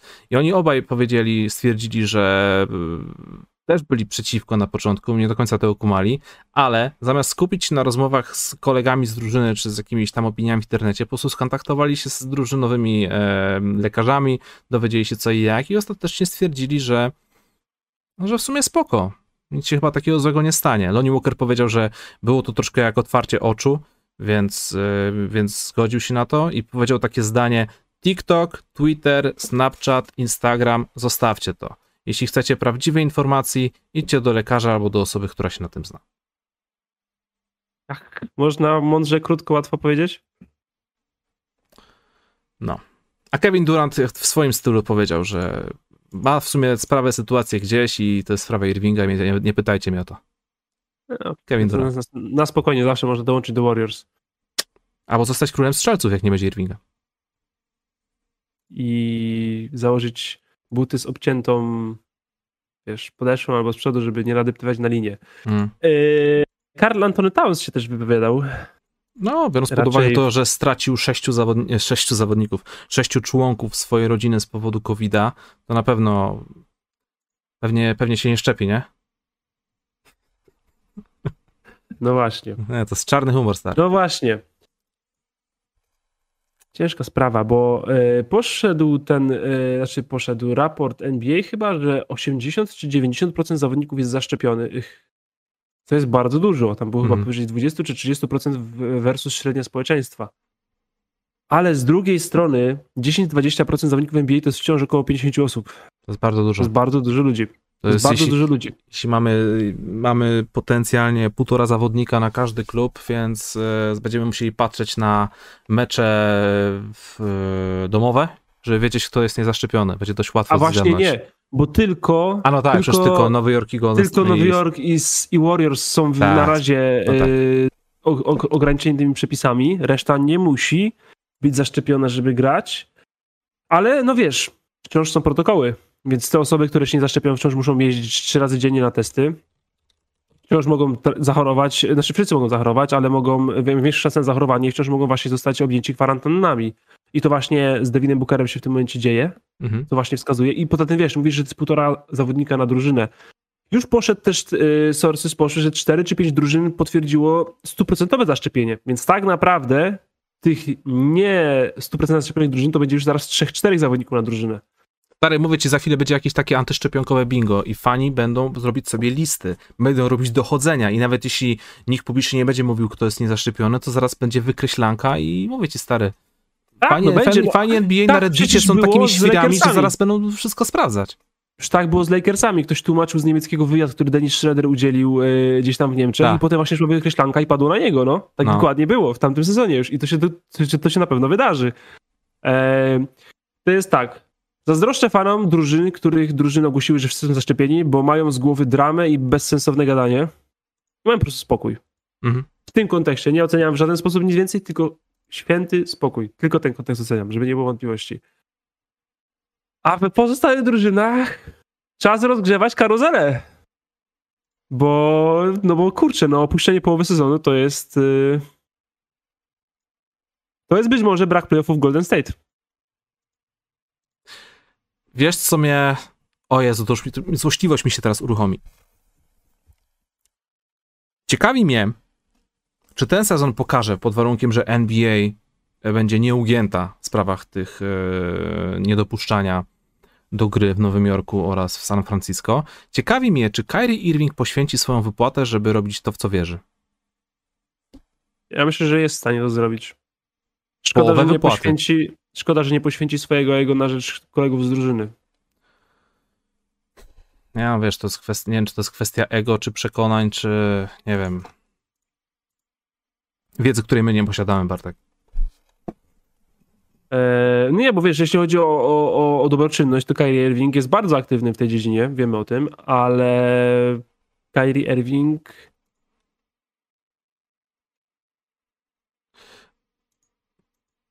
ujmę to tak, No, bardziej odnalazłby się w golfie lub tenisie ziemnym. mhm. A co różni golf lub tenis ziemny od koszykówki? no. Tylko jedno z tych trzech jest sportem zespołowym. Ja myślę, że w tenisie, właśnie w golfie, w tenisie stołowym, Kyrie był znakomicie się odnajdywał i był gwiazdą światowego formatu, ale gra w kurczę koszykówkę, która jest sportem zespołowym, która jest szatnią 15 osób, która jest pięcioma osobami na boisku. I nie cieszyłbym się mając Kyriego Irvinga w szatni. To może w ten sposób zakończmy tę rozmowę, bo wiesz jak jest. Donaty. Fajnie, że Jeszcze jesteście. jedna, że, fa- fajnie, że jesteście, fajnie, że jesteście i że możemy sobie z wami pogadać o naszych przekonaniach. Na samym końcu jeszcze informacja dość istotna. Nie będziemy nad tym jakoś się bardzo rozpływać, bo nagrałem o tym materiał. JJ Redick zakończył karierę e, w poprzednim e, tygodniu. Nagrałem na temat tego materiału, na temat, tej, tej, tej, na temat jego kariery, na temat jego zakończenia kariery w, e, krótki klip. Właśnie wam go wrzuciłem na czat, więc zapraszam, jeśli chcielibyście sobie tak na szybko przypomnieć, co ten człowiek osiągnął i dlaczego jest taki super. Więc wchodzimy teraz do donate'ów. Oczywiście muszę się zareagować.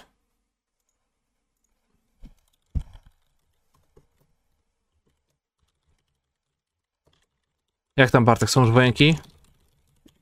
Ostatnio e, zamieściłem na Twitterze, nie wiem czy ktoś mnie tam obserwuje z was, ale zamieściłem na Twitterze niesamowity komentarz z, z, z jednego z klipu na YouTubie, gdzie zos- gdzie zostałem zwyzywa, zwyzywany między innymi od systemowych frajerów na temat e, właśnie tego, że jesteśmy opłacani przez e, firmy farmaceutyczne. Wszystkich. Przez firmy Wszystkich. farmy i że, i, że, i że kosmos nie istnieje. To jest najważniejsze, że kosmos nie istnieje, że uwierzyliśmy w kosmos, kiedy on nie istnieje. E, I, Kamil Hanas e, po- podjął, podjął ten temat i dzisiaj wysłał mi screenshot, gdzie pod jakimś odcinkiem Strefy Hanasa jakiś gościu mu napisał, że coś takiego bardzo negatywnego. Żeby, żeby kosmosie? Nie, że, że, żeby, żebyś umarł od tej szczepionki, coś takiego, wiesz, takie hardcore, nie? Uuu. Mocne słowa. No, więc przygodowo. Na całe szczęście my tu prowadzimy luźny, lekki content, Bartek, prawda? Ale ja mam 37,5 stopnia, więc nic nie jest pewne, Łukasz. Jutro nie jest nam dane. Dobrze, Bartek. Przejdźmy do tych donate'ów. Pierwszy donate wleciał już jakiś czas temu, przepraszam. A, bo przecież, kurczę, ludzie wysyłają nam, wiesz, donate'y w środy, czwartki. Czasami tak jest. Ścieżyn, w każdym razie, Ścieżyn, pierwsza wiadomość na dziś, dziękujemy bardzo, pozdrawiamy. E, odnośnie BB, chyba chodzi o Bielsko-Białą. Temat wraca, jak bumerang z zeszłego tygodnia. Super, że znasz Grześka. Paweł Sablik przed kontuzjami też nieźle tankował. Szkoda MVB, że masz taki słaby stat co do Bielszczan, bo zapewniam cię, że masa dobrych ziomków stamtąd pochodzi. Część z nich zapewne gra w KNBA, jak ja 15 lat kilogramów temu. E, To jest tylko podyktowane małą próbą, tak. ale tylko podkreślam to, żeby. E, Pawła Sablika, no nie powiedziałbym, że go znam, ale miałem okazję raz przeciwko niemu grać. To było na turnieju w Gliwicach, bodajże w 2008 roku. Ja wtedy byłem e, młodym, e, wyszczekanym, e, chudym ratlerkiem, ale przynajmniej niczego się nie bałem i nie byłem, i nie byłem połamany e, w, w każdym stawie mojego ciała. I pamiętam, że graliśmy właśnie przeciwko niemu oraz przeciwko Grzykowi Szybowiczowi, to to była wojna. My się tam prawie pozabijaliśmy. Na szczęście Paweł tylko mnie postraszył, ale nie uderzył, bo gdyby mnie uderzył, to bym już pewnie nie żył. Ale pozdrawiam, bo miał później fajną karierę. I pozdrawiam Grześka oczywiście. Grzesiek mnie nigdy nie chciał bić, więc to akurat spoko. Druga część wiadomości od Ścieżyna. Z tego miejsca wielkie pozdro dla Kozy, Grzecha i Tokara, którzy robią świetną robotę w Basket Hills, e, szkolą młodzież, kontynuują tradycje koszykarskie. PS. Do tego co najmniej jeden z twoich patronów Kipi jest Bielska Białej, więc chyba spoko. No to, Chyba nie, spoko. to bardzo spoko. Nie, nie, nie wiem, który, szczerze mówiąc, wybaczcie, że nie znam, gdzie mieszkacie, ale, ale tak. A jeśli chodzi o Tokara, to chyba wiem, o kogo chodzi. Jeśli chodzi o, o Rafała, to, to, to, to pozdrowienia oczywiście też ode mnie. E, Kolejna wiadomość od Average MVB Enjoyer. Siema, Ben Simmons Houston, hot or not? Czy Warriors... Houston. Przecież Houston ma tak dużo cennych asetów. Dopiero co wytransferowali Jamesa Hardena. Mm. Czy to wciąż śmieszy, czy już za dużo. Tak. Znaczy mnie boli gło- już głowa, tylko nie wiem, od, czy to od naszych rozmów filozoficznych, czy od tych słuchawek. Czy braku tlenu. Ale śmieszyło. Jeszcze druga część wiadomości. Czy Warriors 16-17 można uznać za najpotężniejszą drużynę w historii? Pozdrawiam prowadzących, jak zawsze idealna linia włosów. A to pytanie się Można- pojawiało już w sumie kilka razy. Jest na pewno jedną z Można najlepszych. sobie uznać, jaką drużynę się chce, to jest wasza sprawa. Każdy sobie może uznać, co chce. A, to teraz idziemy już takie delikatniejsze tejki, że bo już nie można rozpalać. Już nie można wolnościowo. Odpaliłem, odpaliłem Twittera i godzinę temu Bradley Bill wyskoczył, że się nie, że się nie zaszczepił. Personal i on... y, No tam to teraz pójdzie jak, teraz jak lawina będzie szło, stary. A Jamorant powiedział, że zaszczepił. I kto jest bliżej MVP? Ha? Kto jest top 5 To jest rozgrywający? top 5? No dokładnie. Bradley Bill, ty lepiej znajdź nogi pod sobą i pokaż, że jesteś najlepszym shooting guardem w lidze, a nie. No, co nowego? Kolejna wiadomość od Eryka, Bartek. Także pozdrawiam ciebie, Eryk. Jeszcze Average NBA, Enjoyer, y, dziękuję bardzo. Y, Staramy się z włosami jak zawsze. No, się nie jest zdarzyło- idealnie. Umieć się nie jest Oby idealnie. darzyło nam się jak najdłużej w ten sposób. Już powiem ci, stary, jesień się wkrada i już mi jest zimno w głowę. Już mi się nie chce tak codziennie ścinać na zero. Ja co dwa tygodnie to robię. Ja tak, tak. Różnie, zobaczymy. Eryk, dziękujemy Ci za wiadomość. E, Czołem, którzy gracze w Waszej opinii mogą być najbardziej nienawidzonymi obrońcami w lidze, nie ze względu na statsy, ale zapalczywość i maksymalne utrudnianie gry. A w drugą stronę, kogo najtrudniej się obecnie broni, dlaczego? Wielkie pozdro. No powiedz to. No powiedz, no. Powiedz. Patrick Beverly. Matty Stybul. Mighty Stable, okej. Właśnie Gość, chciałem- który per 100 posiadań ma najwyższy steal rate z wszystkich ludzi na całym świecie. E, dodałbym jeszcze Drew Holiday'a i uwaga, DJ McConnella. Nie, Tak, dlatego, nie jest- dlatego, że jest takim super obrońcą, ale jest strasznie irytujący, jest bardzo waleczny i widzi, w, jest cały czas na linii podań. Przecina te I musisz uważać nawet kiedy wybijasz z autu przy nim, Tak. bo on robi przechwyty z, przy wybiciach z autu. To jest kolej A w drugą stronę, koło najtrudniej się obecnie broni dlaczego? James Harden oraz Kevin Durant. Kevina Duranta chyba nawet bardziej. O Kevinie, o Kevinie Durancie to coraz więcej osób się wypowiada, w sensie zawodników NBA, że to jest, że to jest cheat code, co, co on robi. Gość ruszający się jak rozgrywający, rzucający jak rzucający obrońca y, ze wzrostem centra. No to jest po prostu o- tylko wiesz, jak jakieś. kryjesz Kevina Duranta i gościu rzuca nad głową, to możesz mu oddać, a jak kryjesz y, Jamesa Hardena, któremu się chce i jest w formie, to za 10 minut wylecisz za faule. Też prawda. I przez tą e, właśnie no, przewagę zdecydowaną Jamesa Hardena w sztuce wymuszania fauli, myślę, że on jest najcięższym graczem do krycia. Aczkolwiek nikomu też nigdy nie zazdroszczę krycia Stefana Karego. Biegasz jak debil, obijasz się o te wszystkie zasłony i tak cię 40 wrzuci. No. MJ23 wysłał nam krótką wiadomość. Hej, dzisiaj bez pytania, ale za to mała jamużna. Poza tym pozdro z grywusy. Z grywusy. Nie Yeah. Jest, tak jest. Pozytywne zakapiorstwo. Dzięki wielkie MJ23, pozdrawiam cię serdecznie. E, I kolejne na tacę wysłał Jordan is the GOAT. Siema, według 15 dyrektorów wykonawczych NBA top 3 graczy, którzy wykonają największy progres w tym roku to po pierwsze Darius Garland, po drugie Jaren Jackson Jr., po trzecie Keldon Johnson. Co o tym myślicie i kto byłby u was w top 3? Pozdro dla was i widzów. Straszny jest hype dla tego Garlanda w ogóle ostatnio. Ja nie wiem, czy to w ogóle ktoś tam nie po- po- posmarował za jakieś e, te, Ale żeby je- obniżać wartość takiego- Sextona, a podwyższać wartość Garlanda nagle w, tak, Znaczy, za kulisami. Właśnie, ja właśnie kompletnie tego nie kumam, bo nie przypominam sobie, że jakby Cleveland grali w ostatnim czasie jakieś ważne mecze w, w, w koszykówkę w NBA e, i po prostu nagle po kilku miesiącach wszyscy mówią, że ten Garland może być lepszy od Sextona. Kompletnie tego nie kumam, bo wszyscy chyba widzieli, kto miał jaki sezon. E, Jeśli chodzi o zawodników, którzy mogą poczynić największy progres, dodałbym tutaj ewentualnie jeszcze Tyrisa Halliburtona, jeśli dostanie więcej szans e, w Sacramento Kings.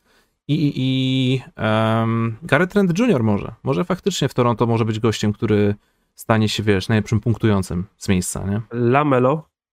Lamelo Ball, tak. Też, też o tym gadaliśmy Ja ostatnio. jestem. Nie wiem, czy zrobi największy postęp, ale jakbym ktoś zapytał, czyim postępem w przyszłym roku jesteś najbardziej podekscytowany, to ja siadam, popcorn odpalam i chcę oglądać Lamelo Bola. Chcę oglądać Lamelo Bola gra w koszykówkę po prostu. Reszta mnie nie interesuje. Mało ludzi w NBA ma takie coś, że mogę odpalić ich mecz. Po prostu odpalam ich mecz tylko jeszcze dla nich, nawet jeśli nie będzie dobry albo Mhm. przegrają, czy cokolwiek. Gdzie w tym wszystkim Marvin Bagley trzeci Łukasz? Na cmentarzu największych bastów w historii NBA. A i tak nawet nie jest top 5 bastów Sacramento Kings. To jest ta właśnie wielkość klubu. To jest tak, jak wiesz, masz ludzi, którzy się nie łapią do piątki top, ta, e, top 5 all-time Lakers, ale grają 5 sezonów gdzieś indziej i są najlepszym zawodnikiem w historii organizacji. No. I to Sacramento Kings ma to samo, tylko odwrotnie. Eee, Dzięki wielkie. chciałbym, żeby Jaren Jackson Jr. był w tej trójce, ale nie wiem, czy po tylu kontuzjach będziemy tak łatwo zrobić taki postęp. Eee, Garland, Jezu, jest taki hype na niego, że ciężko w ogóle tutaj jak zabrać jakiś sensowny, e, sensowny głos w tej dyskusji. Mhm. E, Trzeci był tam kto? Eee, Johnson. Johnson. Łukasz sobie tego życzy na pewno, bo to zdecydowanie przybliży San Antonio do oceny, której mi wystawił. Dzięki, dzięki za takie dygresje, Bartek. Mogę na ciebie Chciałbym, zawsze żeby- liczyć. Chciałbym też, żeby Jonathan Isaac znalazł się gdzieś w tej piątce, trójce. Jonathan Isaac. Grał, żył. Nie będę wyszedł. wracał do tematu, ale zapomnieliśmy o nim wspomnieć. No, już nie trzeba. On nawet nie, Nie gra. trzeba, Mamy, nie trzeba, dobra. ma- mamy ciekawszych ludzi, których możemy się czepiać. Przynajmniej Okej. grają. E, kolejna, długo. Kolejna wiadomość od Kapiego. Pozdrawiam serdecznie. Witam was, klawi profesjonaliści. Dzisiaj ciekawi mnie parę zagadnień. Co uważacie o zmianach zasad, wymuszanie fauli i challenge? Która drużyna pójdzie drogą Magic z tamtego sezonu i pójdzie w tankowanie FTD, Pacers i czarny coin do MVP? Pozdrawiam. Czarny coin do MVP, to muszę tu chyba wrócić do Take'a sprzed kilku tygodni, czyli Paul George, jeśli Kawhi nie będzie grać, a Clippersi będą w pierwszej czwórce zachodu Otóż nie. ale jest szansa. E, Która drużyna pójdzie drogą Magic z tamtego sezonu, pójdzie w tankowanie. E... San Antonio Spurs. Dobra, nie będę już tutaj wtrącał. Co uważamy o zmianach zasad, wymuszanie fauli i challenge? Jeśli chodzi o te zasady, które były w poprzednim sezonie, czy po prostu teraz coś nowego wprowadzają, czego, czego nie prześledziłem, Bartek? Ma być mniej tych fauli gwizdanych, kiedy zawodnik rzucający nienaturalnie się rusza, Aha, tylko no, no, no. wymusić kontakt. Tak, czyli koniec trójeczek z kopaniem w łydki. Ja jestem Tak. akurat zachwycony tym faktem. Koniec pochylania się prawie do poziomu, żeby złapać się ramieniem skaczącego gościa pół metra obok. E, jeśli... każda, obrona, każda zmiana, która pomoże obronie jest dobrą zmianą, ponieważ du- za dużo zmian pomogło już atakowi. Tak. A jeśli w tym pytaniu chodziło też o te zmiany, które się wydarzyły już jakiś czas temu, jak na przykład wprowadzenie challenge'y, ja jestem za, to jest bardzo fajny sposób e, fair, żeby naprawiać błędy sędziowskie, ale czasem te challenge tak potwornie wydłużają końcówki tych spotkań. Fajnie, bo jakby znaleźli system, który troszkę to em, no po prostu przyspiesza i sprawia, sprawi, że to będzie bardziej sprawne. Ja uważam, że za dużo przerw w końcówce, ale przekornie uważam, że powinno być więcej challenge'ów. Jeśli trener daje challenge i jest successful, powinien mieć kolejny challenge, aż się pomyli. Bo jak dajesz i jest y, nieudany, no to koniec, ale jeśli wiesz, dałeś udany i wiesz, na przykład dałeś udany o jakieś wybicie z autu w pierwszej kwarcie, a potem w końcówce nie możesz na przykład challenge'ować y, trójki lub dwójki, nie? Czy Mhm. pewnie, czy nie. Trochę No. głupie to jest. Trochę tak. Ale lecimy dalej z pytaniami, Bartek. Mamy ich dzisiaj sporo. I tutaj jest Kuba Raptors fan. Czekał My- długo. My to, my to Stampa Bay. Dziękujemy bardzo, pozdrawiam. Panowie, oglądam od dawna, jesteście genialni. Jesteśmy genialni. Jako, że dziś Raptors to pierw... Nie wiem, bo jest wy- wypikowane, więc jest pierwsz, gwiazdki i K na, końca, na końcu, więc mi się kojarzy ze słowem pierwszoroczniak, ale nie jestem pewny. E, Podekscytowany nowym sezonem jestem na maksa. Scotty, e, Fred Van Vliet na jedynce, Pascal Redemption, rozwój e, GTJ, czy przyjścia Ciuwy, powrót do Toronto, We the North. No, ja jestem pozytywnie nastawiony, biorąc pod uwagę ten aspekt przebudowy, bo chyba no, nie, nie, nie twierdzimy, że to jest zespół, który jest w stanie coś osiągnąć w tym roku. Ale za kilka lat, jeśli ten skład się utrzyma, to czemu nie? I to w sumie omówiliśmy kilkanaście, dziesiąt minut temu z Bartkiem. Pascal Redemption, uwierzę jak zobaczę. Dominik C. Wysłał nam na tacę. Yo! Jamal Murray w dzień kontuzji zapytał Denver, czy go nie wymienią. Czy według was złamią dane słowo i wymienią genialnego Jamala za Bena Simonsa? I czy w NBA istnieje coś takiego jak moralność? PS, dzięki za godzinę zajebiście spędzonego czasu, dajecie radę. Dziękujemy bardzo, jest tam bardzo z tego powodu miło. Też E. jesteś taki, jak cię mogę. Tak, Jesteś taki, jak cię mogę.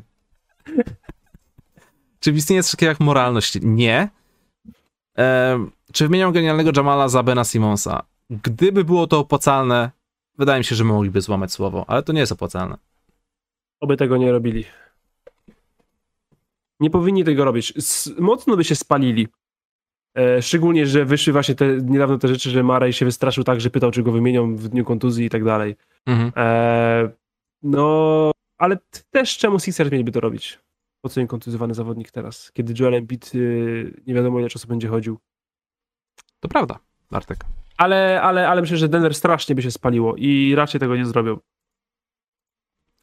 Matt Galos. Dzięki wielkie, pozdrowienia. Dlaczego Zion za dwa lata, a Ben Simmons za tydzień trafią do Nowego Jorku? Pozdro 666. Bo Zion tam dołączy bez ACL-a. Ale Ben, ben Simmons za tydzień? Za Kembę w pakiecie z RJ Barrettem. Oj. O Jezu, ale to I jest trzyma- i trzyma- mnie aż. I pikami. Daryl Morey to zrobi, mówić. Pojętość mojego lewego płuca się obniża o 20%.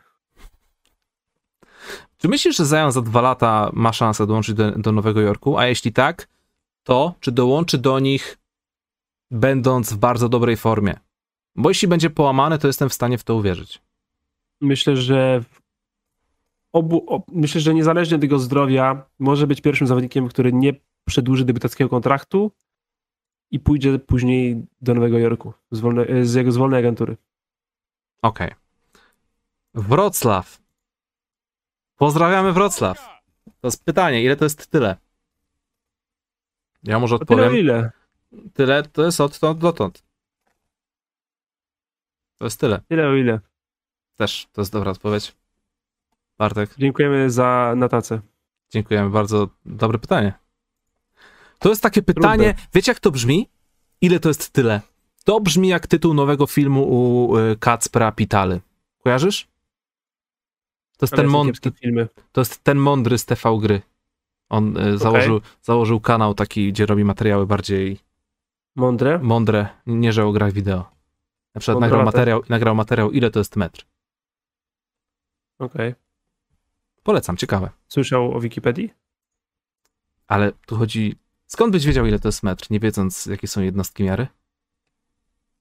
Wikipedię, ale miałem to na studiach, więc teoretycznie jestem w, yy, i myślę, że ludzie, którzy byli ze mną na studiach, mają szansę to wiedzieć rzeczywiście bez Wikipedii.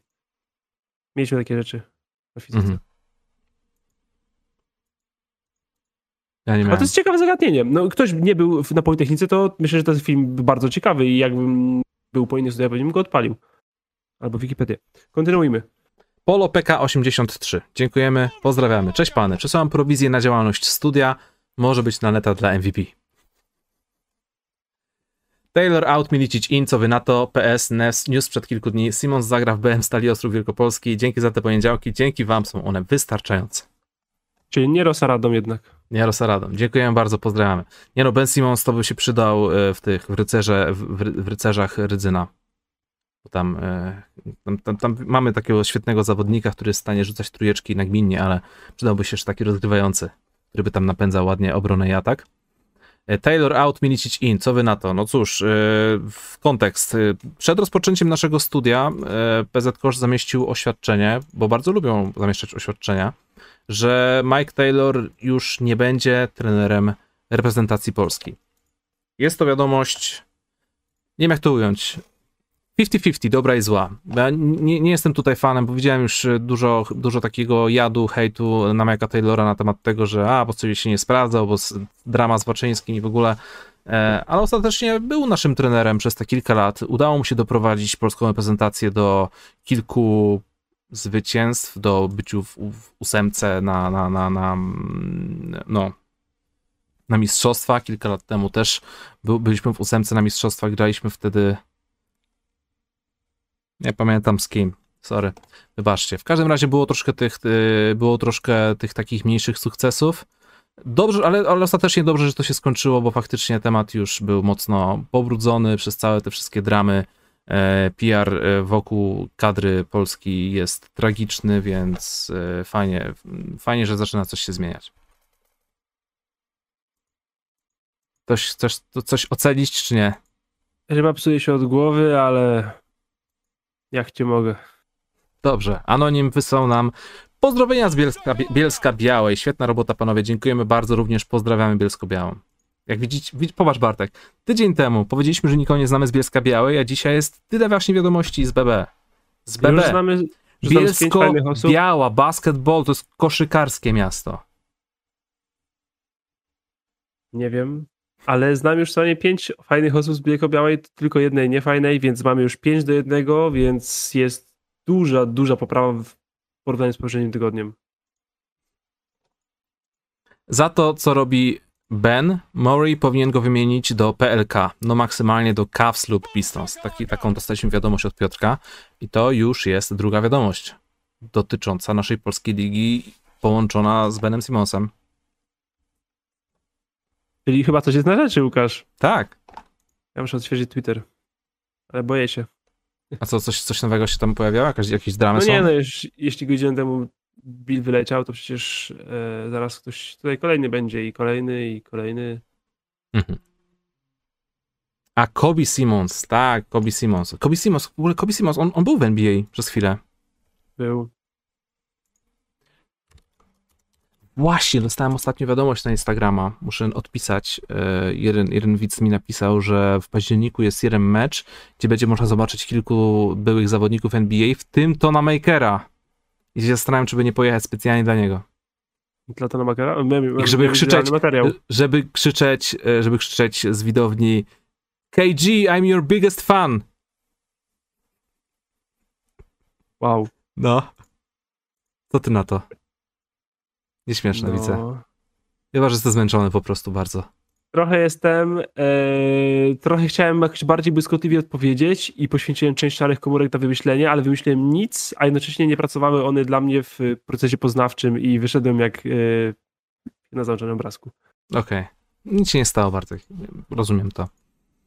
E, John, donate od Johna. Pozdrawiamy się, Manko. Jakby wam się spodobał taki teoretyczny skład Lakers? LeBron, Davis, Embiid, Clay, Carmelo Anthony. Pozdro.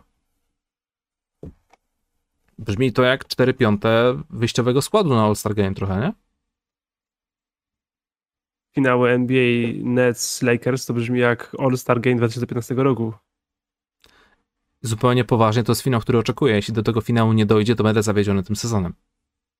Chcę o tym materiał w ogóle nagrać. Zobaczymy, czy mi wyjdzie. Myślę, że spora jest szansa, że się rozczarujesz. Ja wiem, bo Za dużo bo starych kontuzje, zawodników i kontuzji, dokładnie. protokołów. Żeby obie drużyny doszły w zdrowiu, aj, aj, aj, aj. Eee, Gruzin nam tutaj wysłał e, jałmużnę dosłownie. Czołem panowie, bez pytania dzisiaj. Dzięki za stream, dziękuję bardzo. Pozdrawiamy serdecznie, Gruzinie. Pełen mieszek. Pełen mieszek, Gruzina. tak jest.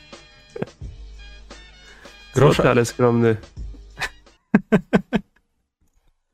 Eee, Dzięki, kole- Gruzin, jesteś solidny. Jesteś w porządku, no. Jedna trzecia Nikoli Jokicia. Ej, jedna trzecia Nikoli Jokicia, wiadomość. Hej, pod tym nikiem będę co tydzień przybliżał wam statystyki z meczów Masona Plumlee. I to mi się podoba. Co tydzień będę czekał na taką właśnie wiadomość, yy, takim wiesz, z informacjami, jak sobie radził w minionym, minionym tygodniu Mason Plumlee. To, jest- to, Plumlee- to jest zaangażowanie, to jest pomysł na fanpage. Musimy y, zorganizować grafiki i mieć kącik. No, E, statystyk Masona Plumlee. ja jestem za, robimy to. Jedna trzecia Nikoli. Jokicia, świetny pomysł, pozdrawiamy. E, Niższy brat Isaiah. Pozdrawiamy również. Cześć. Trzy pytania do was. Jeden. Kto wygrał, kto przegrał ten off-season ze względu na rozwój swojej kariery, a nie zarobionej kasy? E, dobra, przegrał Andre Drummond.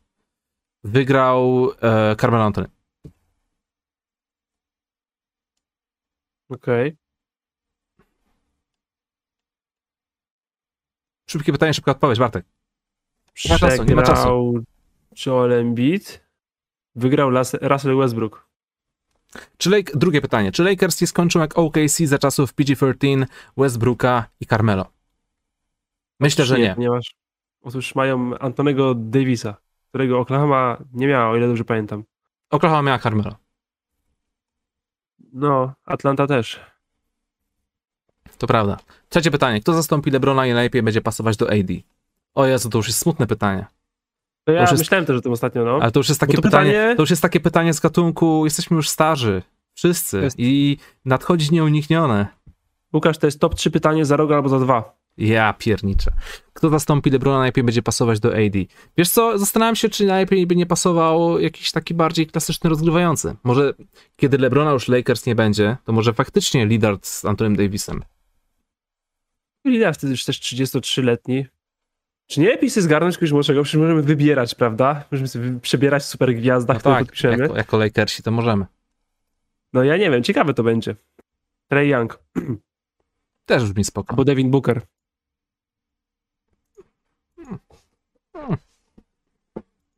Ja, ja, ja, ja widzę Devina Bookera w tej koszulce. Devin Booker w Los Angeles Lakers wyglądał jak Kobe Bryant w Chicago Bulls. A, Łukasz, to jest Phoenix Suns, daj spokój. Jak przyjdzie do Lakersu, to po 15 minutach połowa zapomnisz, gdzie on grał. No dobrze, niech ci będzie. Lecimy dalej. Czosnęłe. Czosnęłe! My to czosnęłe, pozdrawiamy. Panowie, jakieś oczekiwania wobec wystawy The Exhibition w Warszawie? Wybieracie się? Ja mam lekkie obawy, że na miejscu będzie kilka zdjęć z autografami i po 30 minutach nie będzie co oglądać. Smutna minka. E, odnośnie tej wystawy, to już tydzień czy dwa tygodnie dostawaliśmy takie pytania, pytania odnośnie tej wystawy. I ja osobiście chciałem się wybrać. Nie wiem jeszcze kiedy, bo jednak nie ukrywam, no, wycieczka do Warszawy nie jest mi po drodze. No ale skoro już takie rzeczy dzieją się w kraju, y, takie oficjalne rzeczy pod, pod, y, pod patronatem NBA, no to wypadałoby to zobaczyć na żywca. Jeśli będzie to faktycznie kilka zdjęć z autografami, to po prostu jak wrócę, to zamiast się za, zamiast to zachwalać i się tym jarać, to wam powiem na studio, że nie warto. Ale nie powiem tego, dopóki tego nie zobaczę. Ja mam bardzo podobne uczucia.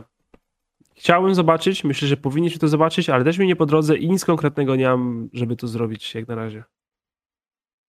Chyba, że na miejscu spotkamy akurat Tona Makera i Kobiego Simonsa. I krzykniemy do nich coś bardzo mądrego. No co, no, zawodnicy NBA, nie? Tak, to są zawodnicy NBA.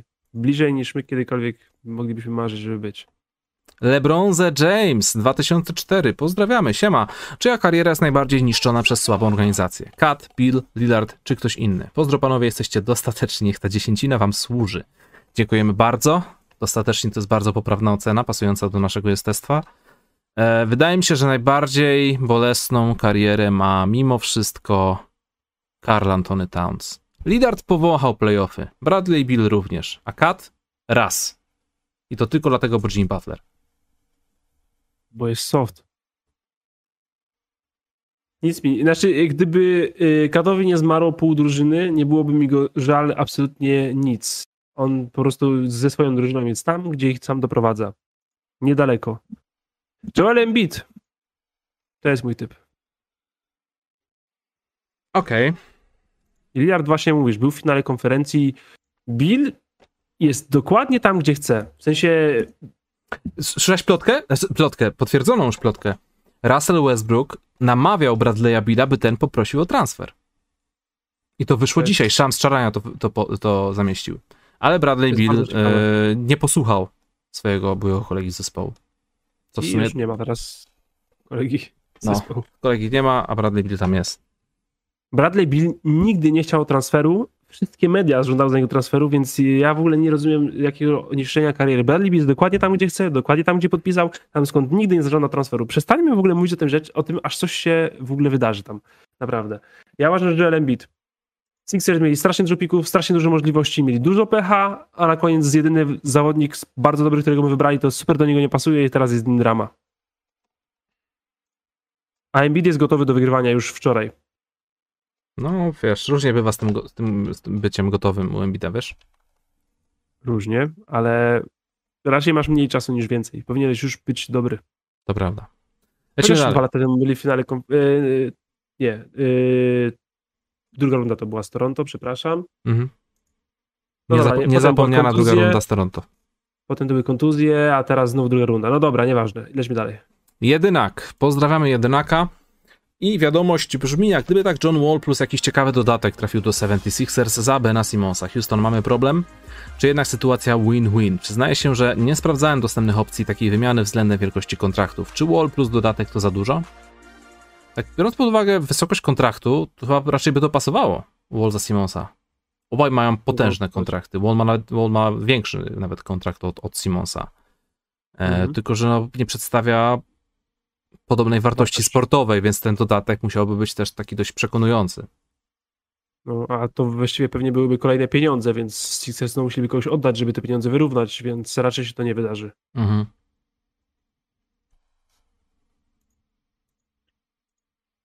Bartosz G. Pozdro i życzę zdrowia. Pozdro i zdrowia życzę, MVB. Dziękuję. Bardzo kulturalnie. Bartosze powinni się, na... nie- nie- nie Bartosze wiem, się powinni, powinni się wspierać nawzajem, Bartosze takie. Oczywiście, nie to co Bartłomieje. W ogóle Mm. okazało się, że mamy trzech Bartków w drużynie i dwóch jest Bartłomiejami. Czy ty to rozumiesz? I dwóch jest Bartłom... Masz trzech Bartków, a dwóch z nich to Bartłomieje. A trzeci to ja. I tylko ty jesteś w porządku, oni nie. A nie da się obrażać dwóch osób naraz, mam tylko jedne usta. Jak na tym memie, taki y, małe dziecko z jeszcze- nadwagą i szkoda, że masz tylko jedną twarz, a ja dwie pięści. Wiesz, że to jest, to jest jakiś taki, nie wiem, rasizm imienny. Właśnie go używasz.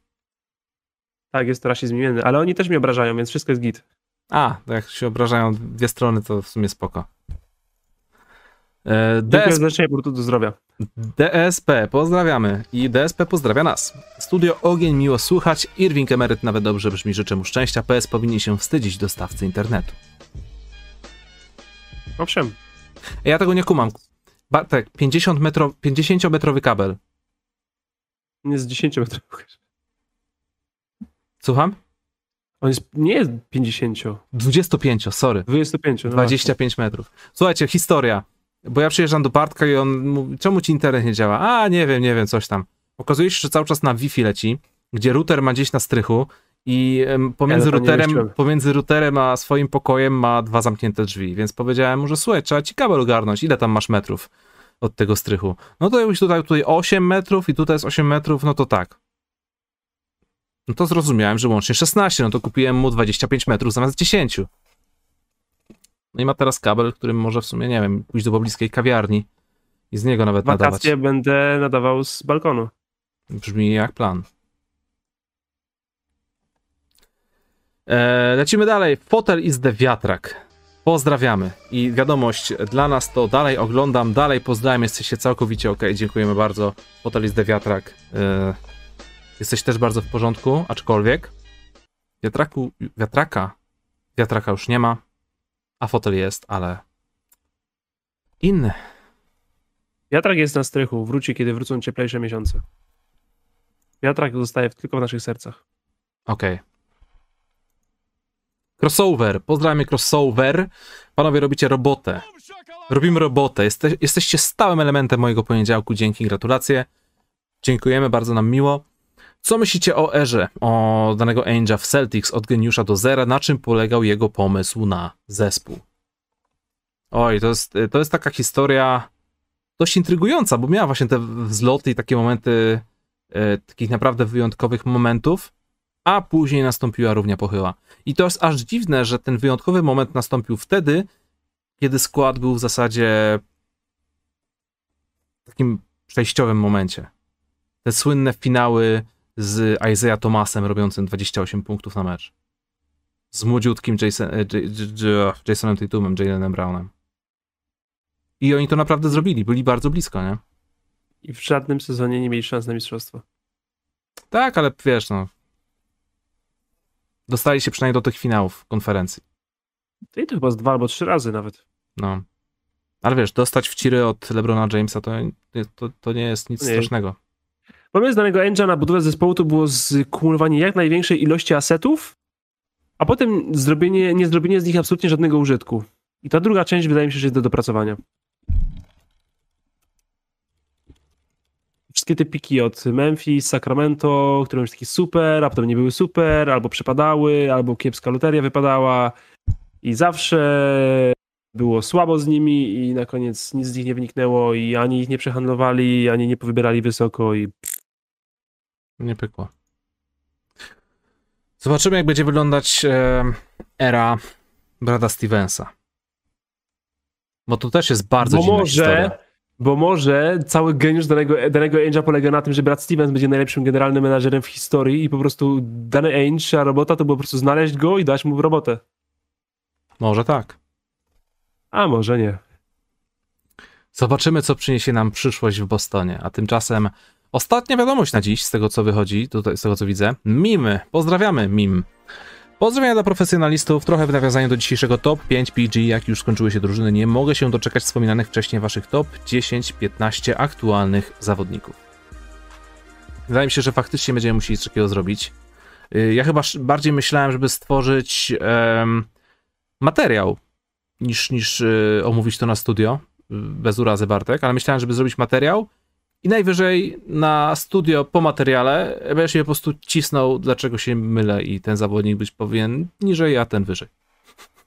Co ty na to? Tam pomyślałem, jak to przystawisz, właśnie, że jak chcesz zrobić materiał, to zrób materiał, a potem zweryfikujemy twój materiał z moimi typami, zajmie nam to mniej czasu, a zabawy będzie co niemiara. To prawda. Zabawy, zabawy co niewiara pasuje do nas. Jak ulał. Tak. A i tak mamy czas. Ile mamy jeszcze w ogóle tak programów? 19 października zaczyna się sezon, czyli mamy raz, dwa, trzy programy jeszcze do Mhm. pierwszego dnia sezonu. A za tydzień znowu będziemy mieć, mieć niesamowite tematy do poruszenia, czyli jak wyglądają zawodnicy na obozie przygotowawczym. Jestem pewny, że pojawią się jakieś szokujące informacje w stylu e, ten zawodnik przybył na obóz, ma 20 kg nadwagi, więc, więc będzie, będzie co gadać. No i czekamy na, kol- czeka- nogę. i czekamy na kolejne doniesienia, jeśli chodzi o dramy Ben Simmons y, oraz sytuację z Irvingiem, Wigginsem. Na pewno coś w międzyczasie się ciekawego innego pojawi, Ja, więc... czy mamy jakiś potencjalny, fajny trade poza Simonsem? Bo gadamy o tym Simonsie tak strasznie w kółko. Czy coś innego wisi w powietrzu? John Wall, Goran Dragic, mm, kto tam jeszcze? Bradley Bill. Tylko, Dobra, że- jest. Może coś się wydarzy jeszcze. Zion, sensie- William, Zion Williamson. Nie, no, bez Ziona nie wymienią, nie ma szans, ale, ale jakby się, Dajcie jakby go wymienili, to by najpierw. chyba się nie obraził. Dajcie mu najpierw zerwać Acela. Przestań tak mówić. E, to co? Aha, jeszcze piszecie na czacie, kiedy top, ten top 10 jezior, no i potężne mecze przedsezonowe. Potężne mecze. No to będzie Potężne mecze jazda. przedsezonowe, to będzie wow, nie mogę się doczekać. Kings, Los Angeles Lakers 76 do 72. Nie mogę się doczekać Czy to koniec sezonu LeBrona Jamesa? Tak. Jezu, nie, nie, nie będziemy ich analizować, Bartek. Będziemy, Łukasz. Nie będziemy analizować meczów przedsezonowych, w których LeBron James będzie Będziemy. wychodzić na 5 minut. Ale tylko te właśnie Sacramento, Minnesoty, San Antonio Mhm. i Cleveland Cavaliers i jakieś, jakieś dwóch zespołów konferencji wschodniej, które są odpowiednikiem tego, co właśnie powiedziałem z konferencji zachodniej. No dobrze. Będzie super. Moi drodzy, bardzo Wam dziękujemy za dziś. Jesteście bardzo w porządku. Słyszymy się, widzimy za tydzień.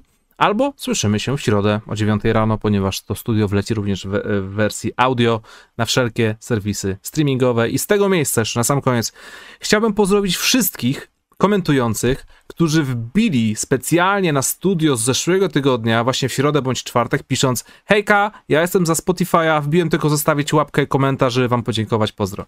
Jesteście w porządku. Jesteście naprawdę, że ja cię mogę. I dzięki temu wiemy, ilu was jest. Tak. Także dziękujemy jeszcze raz za wspólnie spędzony wieczór. Do następnego razu. Trzymajcie się. Cześć.